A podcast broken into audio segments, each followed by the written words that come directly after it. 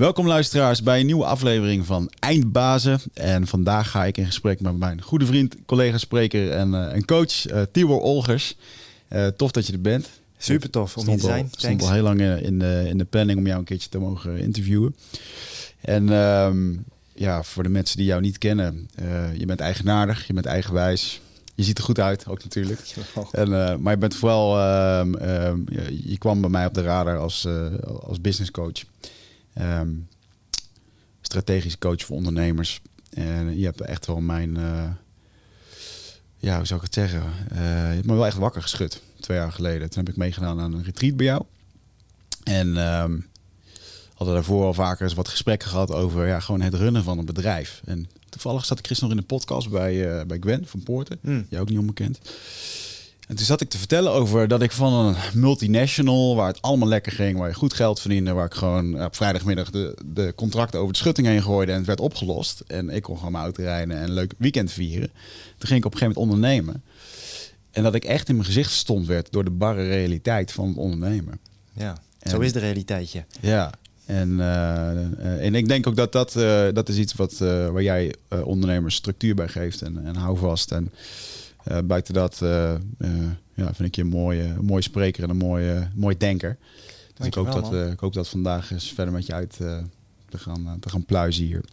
en zeker de laatste tijd ja, ben je gewoon heel erg aanwezig in, in hoe je denkt over, over het leven en wat er allemaal vandaag de dag op ons afgegooid wordt. En hoe we daarmee om kunnen gaan. Hm. Dus uh, je doet onwijs mooie dingen. Uh, maar laten we beginnen bij het begin. Je bent business coach van, van, van Aard. Um, dat begon ooit bij de speciale eenheden. Klopt, van de politie. Bij de ja. politie. Ja. ja. En wat, vaak, wat je vaak ziet is dat mensen reizen uit de as op het moment als ze echt een periode van duisternis hebben doorgemaakt. Dat ze verkeerde keuzes hebben gemaakt en vanuit daar een beslissing maken van oké, okay, nu moet er wat anders. Ik moet wat gaan doen. En kan je nog bij jezelf eens terughalen wanneer dat een moment voor jou was? Nou, ik ben uit de as race uh, begin dit jaar. Uh, nadat uh, mijn vrouw in heel 2020 gelijktijdig met corona. Um, nou, laat ik het zeggen, laat ik het richting de duisternis, richting haar duisternis ging. En ik dus vanaf de zijlijn hmm. moest toekijken.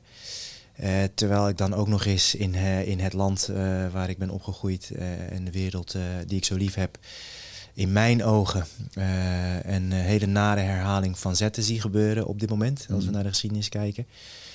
En mijn standaard reactie, mijn kopingsmechanisme was vechten en redden. Hè? Dus dat, is, dat is 40 jaar lang best wel goed gegaan. En in 2020 ja, zijn mijn ziel middels mijn lichaam, en, uh, maar dus ook mijn omgeving. Mm. Uh, en misschien wel via mijn vrouw, ik weet het niet. Van tot hier met je gevecht. Ga maar eens leren luisteren, ga maar eens leren dansen. En dus dat was echt best wel een behoorlijke hel. En ik heb gedaan wat ik, wat ik zelf ook predik. En ik denk dat ik er voor nu uit de as herrezen ben. En, dus ik ga even genieten de komende jaren tot, tot, tot de volgende ja, cyclus. duisternis weer op mijn pad mm. komt. Ja. Mag ik dan ook vragen hoe het dan nu is in de relatie? Is dat nu weer, want ik zal het ervan uit opmaken, is dat het nu weer een soort van ja. wel weer werkt? Ja, de hero's journey. Dus alles is weer hetzelfde, alleen dan beter. Oh, wow. Ja, een, niveautje hoger. En er is, nog, er is nog een oneindige weg te gaan. Of nou, oneindig tot, tot aan de dood natuurlijk. Maar uh, er, er, valt nog veel te ontdekken en te ontwikkelen. Ja. En ehm, ik heb ervoor gekozen om... het, het is natuurlijk heel lastig hè, als zoiets gebeurt helemaal als man, je wil, uh, je wil er zijn voor de ander. Um, je wil je eigen grenzen bewaken. En je wil aantrekkingskracht levend houden. Dat zijn mm. drie verschillende dingen die eigenlijk haaks op elkaar staan. Helemaal als man. We hoeven daar niet te diep op in te duiken hoor. Maar als je als man uh, continu achter je meisje gaat aanlopen, dan ja. sla je alle aantrekkingskracht dood. Um, en nou ja, dus dat was uh, best wel jong leren. Waarbij ik er uh, vaak genoeg onderuit ben gegaan of ballen heb laten vallen. Maar voor nu uh, is het me gelukt om, om trouw te blijven aan mezelf. En is de relatie bestaat, bestaat en is op een ander niveau gaat hij nu door. Mooi ja. man. Ja. ja.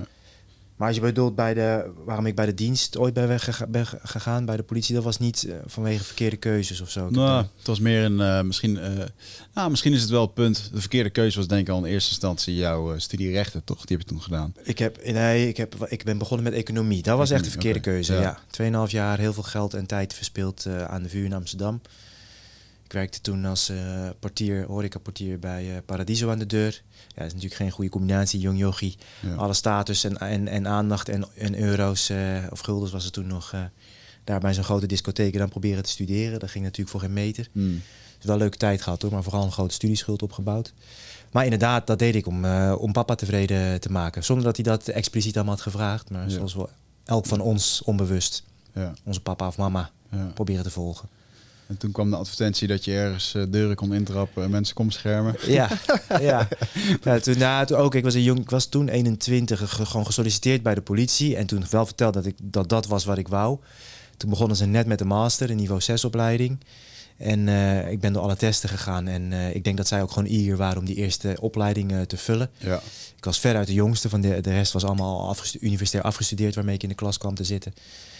En uh, mijn ze wilden mij daarvoor hebben, dus daar heb ik daar volmondig eh, ja op gezegd. Ik was dolblij Ja, bij tuurlijk, eh, politie in Amsterdam en een master, het zal allemaal wel. Maar gaandeweg die opleiding werd wel duidelijk eh, dat het echt niet de bedoeling was dat ik dom werk ging doen eh, als, eh, als boevenvanger, maar dat ik eh beleidstukken ging, eh, moest gaan schrijven. En, eh, dus daar liep ik na drie jaar vast. ja. Toen ook weer echt een stukje duisternis trouwens wel. Dus dan zie je die Heroes Journey continu terugkomen. Dat weet ik nog goed. Hè? Dus ik was adjunct inspecteur in opleiding, weet je wel. Dus ik was echt, eh, ik, eh, ik was echt wel een mannetje. Ik was echt wel stoer. En, eh, en toen stond ik borden in de, in de afwasmachine in te ruimen bij Hot en Cold. Volgens mij is het de keten die ook failliet is nu. Op, op het Damrak. Tosties bakken. En, eh, en koffie serveren Hmm. in mijn sollicitatieperiode, zeg maar, dat ik. En ook weer door allerlei fouten, want dat kon natuurlijk eigenlijk helemaal niet. Hè, als, want ik was op dat moment gewoon burger. Ja. Ben ik toch er doorheen gekomen. Maar dat was ook wel een stukje les in nederigheid weer opnieuw. Dus eh, en, en achteraf gezien zijn dat echt de, de belangrijkste lessen. Ja. Voorkomt ook dat je een, arrogante eikel wordt. En toen, eh, toen riep, eh, riep het avonturenpad jou, je bent op een gegeven moment getuigenbescherming gaan doen. En, Ja. Ja joh, het, het jong, dat was een droombaan. Echt een Ja. jongens, jongensdroombaan voor mij.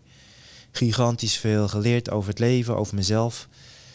Eh, ontzettend veel geleerd van de, van de groene jongens daar. De, de, de jongens die een eh, specialistische militaire achtergrond eh, hadden. hmm. Echt een totaal ander kaliber dan, dan de blauwe jongens. Op het gebied van ja, hun shit regelen Hmm. en hun werkwijze. Dus ja, ontzettend dankbaar dat ik daar tien jaar, meer dan tien jaar, heb mogen kunnen leren Ja. en kunnen dienen ook. Ja. Mooi man. Maar na tien jaar was het ook echt klaar. Ja. Ja. Was je dan... eh, had, je, had je al het... Je had het allemaal wel meegemaakt na tien jaar. Is dat een beetje het verhaal? Ja, dat ook. Ja, en ik weet nog heel erg goed. Ik weet echt nog eh, de- twee eh, breekmomentjes. Eén één, één moment dat we echt een klus deden waar echt, echt gewoon heel veel dreiging op zat. En op een gegeven moment kwam een telefoontje dat er was vanuit de AVD, dus er was geld overgemaakt naar een aanslagpleger, naar een hitman. En die hadden ze al die tijd onder de tap. Eh, en en eh, die had een avond van tevoren de go gekregen op zijn telefoon. En sindsdien was hij spoorloos. Dus, daar, dus de, Mm. onze volgdiensten wisten ook niet meer waar hij was. Om een aanslag te plegen op de persoon die wij eh, en toen werd de vraag gesteld, wie gaat chauffeuren? Hè, wie je, je rijdt altijd in een kolonne en wie Ja. rijdt... En toen merkte ik voor het eerst in tien jaar dat ik dacht... Nou, ik hou even mijn mond, weet je wel. Oh. En toen was er een, een, jong, een jongere collega en die zei meteen ik. En dat was voor mij het eerste moment dat ik dacht... hé hey, Tibor, eh, interessant wat, eh, wat hier gebeurt, weet je wel. Ti- tien jaar geleden had ik geroepen, mag ik, mag ik, alsjeblieft. Ja. En ehm, dat was één. Dus dat merkte ik bij mezelf. En ten tweede wat ik bij de dienst... Ja, dat was gewoon een, eh, een agenda om... eh, ik wil hier niet te diep op ingaan, maar het was een agenda om kosten wat kost vrouwen bij de dienst te krijgen. Nou, en kosten wat kost, daar hebben ze een flinke prijs voor eh, betaald. Hmm. En dat was een prijs waar ik het... eh, die ik met leden ogen heb eh, toege- toe- eh, toegekeken, zeg maar, hoe zij die prijs betaalden. Ja. En nou, ik weet ook nog exact de dag, 11 oktober 2016, dat ik rondkeek naar een aantal collega's. En ik dacht, nee, ik moet niet weg. Ja. Anders word ik de zure oude collega die zei dat vroeger alles beter was. Ja, dat snap ik wel. Eh, heb ik twee vragen over. Enerzijds vind ik interessant om te, te weten. Ik sprak wel eens een keertje met een eh, commandant van de Marshof. En die zei dat niemand van deze jongens die hierbij komt, die komt hierbij om het land te verdedigen of om, uh, hè, of om terroristen uit te schakelen. Dat, is niet de droom of de motivatie. De motivatie is eigenlijk om ergens bij te horen. Om daar de beste in te zijn. En was dat voor jou ook zo? Was dat een, een, een, een drijfveer? Ik denk dat de grote drijfveer was ego. Uh, en dan op een positieve manier. Dus uh, op een laag niveau ego. De, ja, je rijdt in de, in de duurste, snelste auto's. Je, je, hebt, je hebt grote wapens. Uh, op, een, op een hoger niveau nog steeds ego. Weet je, je, wordt, je wordt super goed getraind. Super, super gaaf. Mm. en als ik, als ik zit nu terug te denken. Voor mij was de... Want ik weet nog, de aanleiding was de aanslag in Beslaan. Op basisschool nummer 1 in Beslaan. Dat tientje Chinese rebellen mm -hmm. op de eerste dag van het schooljaar uh, die school binnenvielen. Oh ja, met puinhoop was dat. Ja, ja bijna 300 doden, kinderen, ouders, leerkrachten. En uh, dat een vader uh, zijn overleden zoontje vast had en, en, en zij... Ja, en een wanhoop in zijn ogen. Hoe kan, je, hoe kan je als vader, als man verdedigen tegen een vijand als deze? En, dat toen, en ik zat toen bij, ik deed toen de masteropleiding uh, bij de politie, weet je wel. Mm. Ik was toen een beleidsplan aan het schrijven voor de verkeersproblematiek in Eiburg. Want dat werd toen gebouwd. Heel, heel boeiend. Ja, en, uh, ja. en toen dacht ik, ja, wat ben ik in godsnaam aan het doen? En het maakt mij niet uit, al ben ik maar die druppel op die gloeiende plaat, maar laat mij, uh, laat mij die druppel zijn, weet je wel. Uh, dat ik iets kan bijdragen aan mensen die hun eigen vrijheid niet meer kunnen verdedigen, borgen. En dat was voor mij de aanleiding. En, en dan, ja, als je erbij komt, is het gewoon ego, is gewoon gaaf. Ja, ja, vet. En je mag natuurlijk alles doen wat je als jonge man wil doen en in de film ja. hebt gezien. Ja, ja. En later, ik bedoel later, ik heb, ik heb mensen moeten ver, ver, ver, uh, beveiligen die uh, hele dorpen hebben vermoord en verkracht omdat ze getuigden tegen de nummer 1. Zij waren dan de rechterhand van de nummer 1. Oh, wow. Sierra Leone, Joegoslavië, al die tribunalen zitten natuurlijk in Nederland. Ja. Uh, en dan zit je dus, kan het zomaar zijn dat je een maand lang met zo iemand in een, in een, in een vakantiehuisje ondergedoken zit ergens. Wauw man. En dan moet je wel. Uh, toen heb ik wel goede gesprekken met mezelf gevoerd. Van waarom uh, ga jij knokken voor hem op het moment dat, dat, dat ze hem willen pakken nu, weet je wel? En, ja. uh, en dat waren pas voor mij de eerste keren. En ik bedoel, het leven is maar wat je jezelf wijs maakt. En ik maakte mijzelf toen wijs. Ja, ik knok niet voor hem, ik knok voor de democratie. Ja. ja. En daardoor kon ik het werk blijven doen, zeg maar. Ja, dat is wel interessant. Ja. Heb je dan ook... Um ik heb hier wel eens met die, uh, hoe heet die strafrechtadvocaat ook weer die we hier hebben gehad? Sabine? Nee, um, oh, ook in die hele grote zaak nu met... Uh, Oké. Okay. Ja, maar goed, maar die, uh, die had ook regelmatig gesprekken met de hele grote criminelen. En die zei, ja, ze zijn dan wel gewoon crimineel, maar ja, ze zijn wel gewoon mensen. Ze hebben wel gewoon... hij zegt, ik kan er ook gewoon wel mee lachen. Ik heb ook wel gewoon goede gesprekken mee gehad. Heb je dat ook wel, uh, 100%, heb je dat ook ervaren? 100%, ja. ja. bijzonder hè, dat sommige mensen bepaalde keuzes maken die gewoon tegen alles zijn van wat jij in je kernwaarde bent of hoe je over het leven denkt. Maar dat sommige mensen zo gevormd zijn. En dat je daar dan toch nog een gesprek mee kan voeren. Ja, dat kan me wel voorstellen. Ja. Aparte dynamiek. En op een gegeven moment maakte jij eh, de switch naar het... Uh, hoe, hoe, ben je business coach geworden? Ik ben begonnen als spreker. Uh, eerst natuurlijk binnen de politie, toen beveiliging. En ja, dat, toen zat er een keer iemand in het publiek en die zei: uh, Ja, we, we, willen, we willen, ik wil het MT, dat je die komt uh, toespreken. En eigenlijk langzaam hmm. is dat, uh, is dat gaan, gaan groeien. En is het van spreken, keynotes geven naar ook begeleiding. Eerst was het echt van MT's, het was allemaal ego hoor. Vond ik gewoon, weet je wel, dat, als jong jochie, dat stond ook stoer. Hmm. Toen merkte ik dat ik daar helemaal geen reet aan vond. Super logge organisaties waarbij vaak ook de CEO absoluut niet de founder was van het bedrijf. Dus eigenlijk gewoon ook een loonslaaf, alleen een hele goed betaalde. Ja. En zo gaandeweg heb ik ontdekt dat ik eigenlijk veel liever werk met uh, directeuren van hun eigen bedrijf, zeg maar, die dat gewoon zelf uit, uh, uit de klei hebben gestampt. Uh, die verantwoordelijk zijn voor alles wat er binnen hun bedrijf begint. Hmm. En die niet alleen maar hun bedrijf willen groeien. Kijk, als je mij in een hokje moet trappen, ja, business coach. Terwijl ja, ik doe helemaal, ik doe ten eerste geen coaching meer, niet meer één op één. En maar mij, hè, dus de, de tagline is winst op alle fronten. Mij gaat het erom dat jij uh, gezond doorgroeit met je bedrijf. Zodat je meer kunt genieten van je meisje, van je kleine, van je gezondheid, van, de, van je nalatenschap dat je nu aan het bouwen bent. Daar gaat het om, weet je wel. Alles wat we doen is het middel. Mm -hmm. Maar dat jij vanmiddag in de zon, in het gras kan stoeien met je kleine, dat is het doel. Ja. En dat is zo makkelijk om te vergeten. En het is zo moeilijk, de paradox. Wat ik ook zeg, nou weet je wat, dan kap ik met al die ellende. En dan ga ik de hele dag met mijn kleine in het gas liggen rollenbollen, weet je wel. Ja, Oké, en dan komt, dan komt de rekening. Ja. Hè, Of fysiek komt er een rekening, want je bent, eh, je, je bent niet aan het trainen. Eh, financieel komt de rekening. Eh, je meisje die zegt, hallo, ik ben er ook nog. Ja. Dus je moet dat aardse en dat presteren, dat moet je doen om te ontdekken dat dat het niet is. Maar dat je wel het fundament hebt en het kader, laat ik dat is eigenlijk een beter woord, het kader, om eh, de dingen te kunnen doen waar het wel om draait in het leven. Ja. Spirituele ontwikkeling, verbinding, vooral die twee. Mm. Ja. ja, dat was wel een hele realisatie toen ik bij jou kwam. Dat ehm, als het thuis niet lekker loopt, dan maakt het eigenlijk ook niet lekker. Maakt het dan niet uit hoe dat je bedrijf gaat, weet je wel? Het is een soort van je bedrijf kan nog zo succesvol zijn, maar als het thuis een bende is, dan, eh, dan zijn eigenlijk alle dagen gewoon eh, ellende. Ben je succesvol ongelukkig? Ja. En dat is het grootste falen dat er bestaat. Succes zonder voldoening is geen succes. Ja. En toch is dat een bepaalde stroming die, die eh, jaagt dat achterna. En tegelijkertijd zie ik sinds twee jaar een andere stroming. Waarbij ik soms ook me zorgen maak of jij, dat zou denk ik ook een valkuil voor jou kunnen zijn. Die gaat, eh, je kan je verliezen omhoog Hmm. in geld en in succes en geluk. Instagram, weet je wel. Ik moet alles maximize your potential, 365 dagen, alle, maximaal. Maar je, ik zie sinds twee jaar ook een stroming en die verliest zich wat mij betreft in de bezieling, in het spirituele. Ehm, dus je- eh, elke week een ayahuasca-sessie, zweethut-sessie, nog meer mediteren, nog meer vasten, nog meer in mijn eentje de, de natuur in, nog meer met demonen opzoeken, Hmm. op zoek naar mezelf. En beide zijn het niet. Dus wat mij betreft is de, de volgorde in het leven één, je moet bouwen, ego. Je moet gewoon een sterk ego bouwen. Eh, succes en geluk bouwen. Dus rij maar zo meteen in die Lamborghini of whatever. En heb maar al dat geld. Draag maar dat horloge. Zodat je weet, oh, dit is het niet. Ja. Dat is je call to action. Dus je hebt alles en je voelt je leeg. Dat is je call to action, hè, hero's, eh, hero's journey, om de diepte in te gaan. Mm.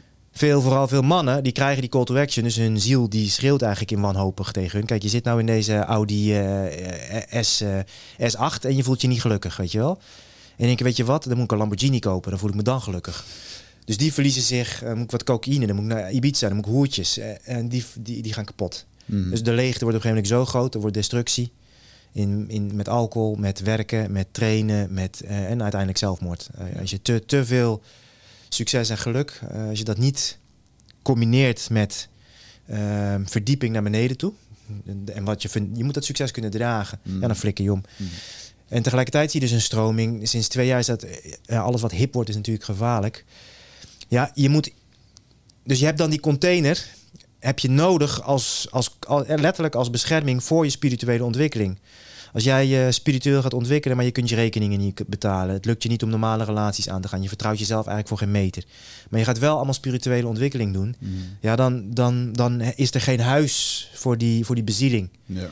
Dus kijk, een huis zonder gezin is, is, ja, is, is, is niks. Maar een gezin zonder huis, dat is ook, is ook balen, weet je wel. Mm. Dus dat is ook een gevaar, dat je je verliest in die bezieling. En wat moet je dan dus doen met die bezieling? En die inzichten, die demonen, die draken die je hebt verslagen, die schat. Wat zie je in elke film, in elk verhaal? Al, allemaal, dan hebben ze dus die schat of de bom hebben ze uitgeschakeld, whatever.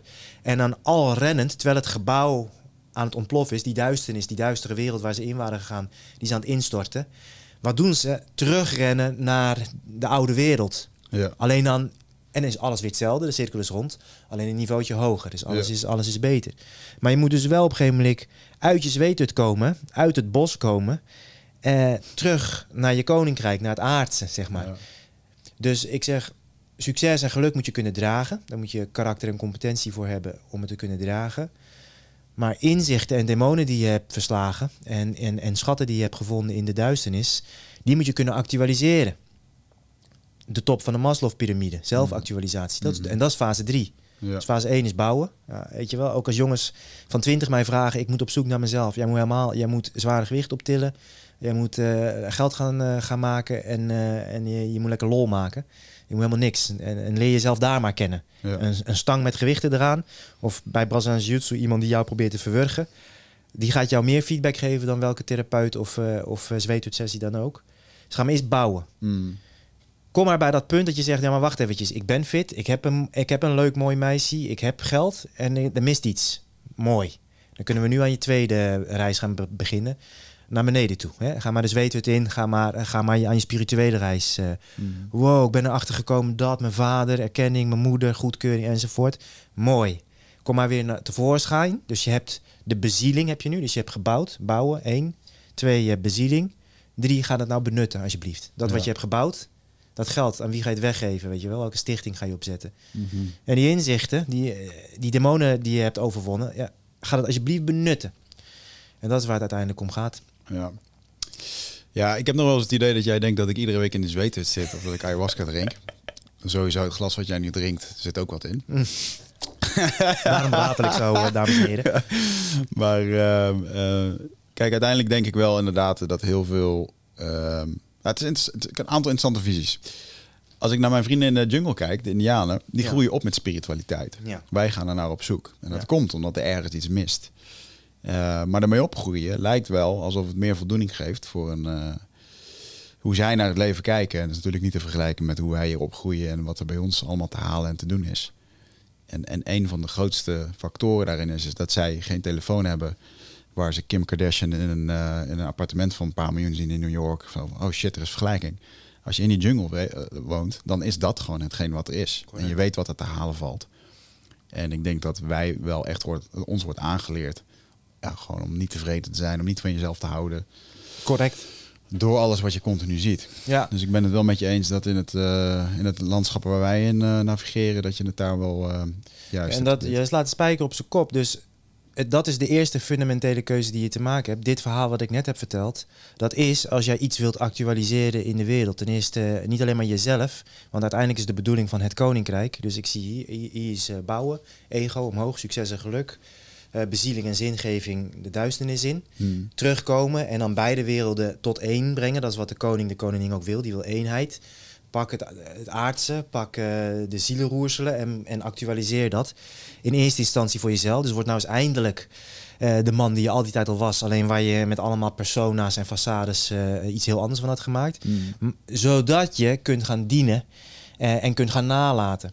Kijk, als je dat wil, dan zul je het verhaal zo moeten oppikken zoals ik het net zei. Als je het gewoon prima vindt, en dat is ook prima, om in een hutje op de hei, in een hele kleine community, gewoon dat leven te leven en daarna, en daarna sterf jij en dan is er geen nalatenschap en je hebt ook verder niet bijgedragen aan, aan de wereld in, in een grote zin. Ja, dan is dat dan is dat the way to go. Dus dan is dat, dan is dat hele dat aardse is, is inderdaad irrelevant geworden. Ja, en uh, als je dan nu kijkt naar um, uh, want ik denk zeker dat er een trend is richting het spirituele. Ik denk ook dat het goed is. Ja, en want uiteindelijk uh, er is nog een hoop heling te doen. Ook voor hetgeen wat jij uh, het liefst mensen ziet doen. Zichzelf zien actualiseren. Dat ze toch ook echt nog wel een dingen mogen, ja, mogen opruimen. Ja. is helaas niet gedaan in één ayahuasca sessie of één zweethut sessie of, of één therapie sessie. want ik denk ook wel dat dat echt wel een ehm, ja, zoals dat je een business coach hebt, mag je ook wel gewoon een, uh, een life coach is misschien een groot woord of een. Uh, ja, 100 procent. Ja, ja, misschien, Is, misschien is dat gewoon het juiste woord. Ja. ja. ja. De mensen die je daar in de pad in kunnen, in kunnen wijzen. Als je nu kijkt voor wat is het grootste, wat is de grootste. Wanneer maakte jij de eerste echte spirituele groei door? Wat je toen op dat moment niet was, niet wist. Voor mij is dat de vechtsport geweest wedstrijden doen, verliezen. Uh, totaal niet in de gaten met die leeftijd van, oh, dat heeft hiermee te maken. Ja. Maar achteraf was dat wel een... Uh... Nou ja, ik kan een paar momenten noemen. Ik wil het wel op zo'n manier doen dat mensen... Ik, ik, vind mijn verhaal nooit zo interessant. Dus ik wil het wel op zo'n manier doen dat mensen er wat aan hebben. Dus de, het eerste... Hè, dus dit is allemaal in retrospect. Dus in retrospect, toen ik bij, uh, uiteindelijk bij de dienst kwam... Ehm, dat was de eerste keer dat ik echt zag... oh ja, wacht eens eventjes. Alles wat ik hiervoor heb gedaan was voor papa. Zonder, eh, ik was onbewust bezig. Alle keuzes die ik maakte... en de manier waarop ik me afremde... en de dingen waar ik ja tegen zei... was om papa tevreden te En hoe oud was je toen? Toen was ik 25. Oh, vind ik je nog vrij jong dat je dat... Ik snapte uh, toen nog geen reet van mezelf in het leven, even voor de duidelijkheid. Vind je nog vrij jong dat je daar al toen al mee... Uh, nou, dat was een inzicht, maar ik had toen nog wel een gigantische plaat voor mijn kop. En nu ook, weet je wel. Maar, maar uh, dat was de eerste keer dat ik dacht van... Hmm, dat ik op die manier naar mijn keuzes en naar mijn karakter ging kijken. En...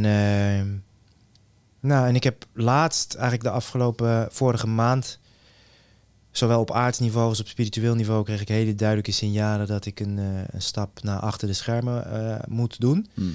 Dus wat ik al tegen je zei, je hebt de eer dat dit mijn laatste podcast is. Ja. In, in, ieder geval voor komend, komend jaar. En heb ik het niet, hè, ik heb het over de komende twaalf maanden. Ja. Ehm, waaraan, kijk, wat ik, wat ik wil, ik, ik, leiderschap is voor mij, gaat voor mij 100% over jezelf. Mm De enige waar je leiding aan kan geven is uh, jezelf. En de rest kun je alleen maar dienen. En dat is een keuze of je dat wil. Dus je personeel kan je dienen. En, uh, en dat betekent niet onderdanig. Want, je kan, uh, want een van de belangrijkste dingen om bijvoorbeeld als ouder je kinderen te dienen, is door ze fucking duidelijke kaders te geven. Ja. Hetzelfde geldt voor een, als je eigenaar bent van een bedrijf. Maar ik ben niet de leider van mijn medewerkers, ik dien hun. En wat ik merkte is dat, uh, dat merkte ik zowel in mijn inbox op Instagram, als ik heb het Antivirusfestival een maand geleden georganiseerd.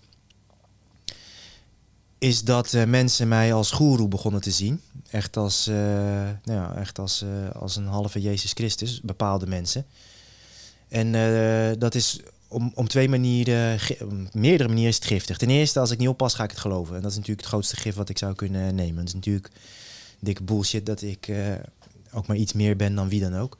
Dus dat is het eerste gevaar. Het tweede gevaar is dat als, uh, als jij, dus ik praat nu tegen iedereen die opkijkt tegen iemand anders. Als jij op gaat kijken tegen iemand anders, kan die ander door jou niks anders dan op je neerkijken. Jij zet iemand daarboven neer. Mm -hmm. He, dus de manier waarop je diegene benadert, je lichaamstaal, je woordkeuze. Ja, die, die ander die kan alleen maar, oh, oké, okay, weet je wel. Uh, mm. Als jij naar mij toe komt kruipen, he, ja, ja, ik voel me daar heel ongemakkelijk bij. Ik kan je omhoog helpen, maar doe even normaal. Ja. Um, en wat er, wat, er, wat er dan gebeurt, is dat mensen uh, hun eigen leiderschap dus onbewust opgeven. Als je te veel leiding gaat zoeken in, uh, in anderen en mensen noemen dat dan inspiratie. Maar als je te veel leiding gaat zoeken in anderen, oh, wat, dat is echt een goede mening. Of hij kan uh, echt de woorden geven aan hoe ik me voel. Het is heel goed om, om het met. Jij bent de leider, er is daar een dienaar en die post iets. Om dat tot je te nemen en daar je eigen ding van te maken. En ik merkte dat te veel mensen mij gingen volgen. En dat is niet wat ik wil. Ik wil dat leiders, dat ik wil leiders kunnen dienen. Mm -hmm. En uh, ik denk dat als je nu een, bedrijf, een, eigenaar bent van een bedrijf en je hebt veel personeel of je bent iemand op Instagram en je hebt veel volgers, dat je dus een verschuiving kunt maken van dat zijn geen volgers, dat zijn leiders die jij kunt dienen. Hmm. Als je zou willen. En hoe gaaf is dat, weet je wel? Als je andere leiders kunt, uh, kunt dienen. Ja. Dus dat is een inzicht wat ik heb gemaakt en wat ik dus heb te vernietigen. En dus de duisternis in, de demonen in mij is blijkbaar dus de drang. Want ik heb al die keuzes zelf gedaan. Ik was die goeroe op het podium. Ik heb, ik heb die following opgebouwd, weet je wel. Ja. Dus ik heb die demon heb ik vernietigd. De demon die op een podium wil staan. Oh, kijk, mij eens eventjes interessant zijn. Mm. Want dat antivirusfestival, Ja, um, zijn er wat luisteraars zijn die het niet hebben meegekregen of wat het was. ja, Maar jij hebt uh, ja, je eigen festival georganiseerd op een eiland. ja. Um, eigenlijk met een, uh, ja, een knipoog naar het beleid wat nu wordt... Uh, Ja, middelvinger of een knipoog. Het is ja, maar, ik zeg het is- even... Ja, je zegt het heel mooi. Ja. Een knipoog naar het beleid in de zin van... ehm, Er waren Ja. testen voor toegang. Want alleen samen krijgen we de overheid onder controle. En de test was eh, een paar oefeningen met een kettlebell. en wat vragen om te checken of je zelf kon nadenken. mm, En ehm, er is eh, die dag eh, ge- gevochten, Braziliaans jiu-jitsu. Er is gedanst, salsa. Er is eh, omhelst, er is samen gehuild, er is samen geademd. We zijn samen het ijsbad ingegaan. En ehm, er was daar verbinding. En mensen moesten janken. Omdat ze waren ver- vergeten in anderhalf jaar tijd hoe het was om, mensen, om je mens te voelen. ja. En ze schrokken zich de pleuris hoe het was om, om vreemde mensen te ontmoeten die jou aankijken met een onbedekt gezicht. En die zeggen wauw. En die je een omhelzing geven. En die vervolgens samen met jou gaan dansen, samen met jou gaan knokken. Ja. Samen met jou ademhalingsoefeningen gaan doen. Ehm, dus er waart in mijn ogen een virus eh, over de wereld. En dat is een virus van hebzucht, veelvraat en ontrouw. Dus dat virus dat zit in onszelf. Freud zou dat ons idee noemen, ons, eh, onze, onze basale instincten. We houden geen maat meer, we zijn kaderloos. Vrijheid, voor vrijheid komt met, met drie eisen, namelijk competentie, karakter en kaders. En Mm. laten we dus nu eventjes inzoomen op kaders. Wij zijn, ka- wij zijn kaderloos, wij zijn grenzeloos. Dus wij stoppen niet met eten, we stoppen niet met scrollen, we stoppen niet met swipen. Weet je wel, we willen alles, we willen alles. En, ehm, en omdat we dus die kaders niet hebben, raak je dus vrijheid kwijt. Want de natuur eist kaders. En als Ja. jij dat dus niet doet, dan komt op een andere manier, bijvoorbeeld of ziekte of een overheid, die gaat voor jouw kaders eh, aanbrengen. Dus het Ja. werkelijke virus is voor mij onze hebzucht. We moeten steeds meer, onze veelvraat en onze ontrouw niet aan die ander, maar onze eigen kernwaarden. Dus we voelen, ik moet dat boek schrijven. We voelen, ik moet die woorden uitspreken. Maar wat doen we? Nog een stukje verder scrollen, weet je wel? Nog een, nog, nog een Netflix-serie Mm. openklappen. Daardoor verliezen we competenties, skills. Want we, we zijn niet meer aan het trainen, aan dansen, aan het studeren, aan het, aan het andere meningen opzoeken. Mm. We verliezen het karakter om met de mening van een ander om te gaan. Want die zoeken we niet meer op. We eisen dat de ander zich aanpast. We pakken geen verantwoordelijkheid voor onze eigen emoties meer. Dat moet de, de ander moet, moet zich aanpassen aan mijn tere geestje. En ehm, doordat, we, eh, doordat we toegeven aan dat virus, worden we steeds zwakker. En als je steeds zwakker bent, dan raak je besmet met allerlei, word je vatbaar voor allerlei ellende. En dan kan dus een werkelijk virus, wat, wat ehm, voor 99% van de mensen volledig ongevaarlijk is, kan in één keer een heel groot probleem worden. En kan er in één keer, een, en omdat jij geen grenzen stelt aan wat je vreet, aan wat je koopt, aan wat je aan, eh, aan de ontrouw richting jezelf, krijg je een overheid en die zegt om tien uur moet je binnen zijn en, eh, en bedek je mond en eh, Mm. ja, laat je injecteren, anders ben je niet gezond. Ja. Dus dat, was, eh, dat is hoe ik er tegenaan kijk. Mijn boodschap is sinds ik, sinds ik lesgeef, want zo zie ik het meer dan coachen, is het altijd hetzelfde geweest. Pak verantwoordelijkheid en breng kaders aan. Zodat we samen in verbinding kunnen genieten en omarm onze verschillen. Zodat we in verbinding kunnen genieten van vrijheid. Mm. Ja, en die boodschap is relevanter geworden dan eh, ooit de afgelopen anderhalf jaar. Ja. Ja, want je hebt je best wel uitgesproken erover. Ja, En ehm, ook wel met de nodige... eh, wil je nog wat water? Dan kan het geregeld worden. ja wel lekker. Dan doen we Ik dat. wil zoveel door jou. Dan, maar dan stel ik even, even de vraag, ga ik het dan voor je halen. Ehm, afgelopen jaar heb je er best wel over uitgesproken. Ja. En wat, wat het, het meest bijzondere wat mij daarin opviel, is dat je hebt voor de overheid gewerkt. Ja, Dus als er iemand van de regels is geweest en bij de politie en Ja. bij de speciale eenheden en alle Ja. dingen, dan nou, je hebt daar gewoon aan geproefd. ja 100 procent. ja. Ehm, ehm, en ik weet ook nog, ik weet nog, het staat nog heel erg goed op mijn netvlies, dat er op een gegeven moment eh, exponentiële, exponentiële groei was van de besmettingen. Ja. En dat jij dat toen eh, begon uit te leggen op een filmpje. Jongens, het is nu echt wel gewoon even een moment om veiligheid op te zoeken en eh, ge- geen gekkigheid. Ik dacht, nou, ik heb best wel goed over nagedacht, weet je wel. ja. En, en een Dat was maart 2020, hè? Even voor Ja, de, dat was toen het allemaal ontplofte in Nederland. En, het, eh, En toen, we, en toen we beelden zagen op het journaal van Chinezen die dood op straat neervielen enzovoort. ja, Ja, bizar. En, en dat het toen op een gegeven moment gewoon... Ik weet nog wel dat ik in diezelfde periode... op een gegeven moment met Michael Pilagic aan het bellen was. En, en, ik, en ik begon te kletsen over de pandemie. En hij zo, maar er is helemaal geen pandemie. Ja. Zeg, maar hoezo, hoezo niet? Het staat er op het nieuws. En toen heb, nou, heb ik even een masterclass eh, van Michael gekregen over dit. Toen heb ik echt een dag nagedacht van, fuck, echt? Mhm. En nou, op een gegeven moment dan, dan ontzie je het. Ik kon het niet meer ontzien in ieder Nee. geval. Ja, maar dat is, met de wa- dat, is, dat is de waarheid. Als je de waarheid ziet, kun je hem niet meer ontzien. Ja. Maar dan krijg je weer de bekende quote: het is makkelijker om mensen voor de gek te houden dan om ze te laten Ja. zien dat ze al die tijd voor de gek zijn gehouden. Dat laatste is gewoon niet te doen. ja. Want dat betekent dat ik moet zeggen: ik ben al die tijd voor de gek gehouden. Nou ja, kijk, eh, je zegt eh, je hebt dicht bij, je hebt bij de overheid gezeten, je hebt bij de politie gezeten. Eh, de, eerste, de, de eerste beginselen die. eh, ja, ik kom net uit een workout, jongens. Ik sleep me nog kapot. De eerste beginselen die je leert bij de, bij de politie, en, de, en ook de belangrijkste, dus de eerste en de laatste, zijn proportionaliteit en subsidiariteit. Dat, dat, en dan is er nog een derde, en dat is discretionaire bevoegdheid. Laten we ze alle drie ontleden, want alle drie zijn wat, zijn wat mij betreft eh, overboord gegooid afgelopen anderhalf jaar. Proportionaliteit, nou, laten we beginnen bij subsidiariteit. Subsidiariteit betekent dat als jij mij slaat, mag ik jou terugslaan. Mm. Als jij mij slaat, mag ik niet één kogel door je hoofd schieten. Ja, hij slaat maar één keer, ik heb maar één keer geschoten, weet je wel. Dat is wel proportioneel. Jij één keertje, ik één keertje, maar het is niet subsidiair. Dus subsidiair wil zeggen, klopt het middel wat je hebt gekozen. Ehm, als jij mij steekt, dus dit is ook echt waar, zelfverdediging. Als ik gewoon een burger ben, jij bent een burger. Jij steekt mij en ik pak een mes en ik steek jou terug. Ben ik niet strafbaar. Ik heb een subsidiair middel gekozen. Ja? Proportioneel betekent dat je betekent in de praktijk dat je stopt zodra de aanval is gestopt. Dus jij begint mij te steken. Laten we het even iets minder naar maken. Jij begint mij te slaan. Ik begin jou terug te slaan. En jij zegt.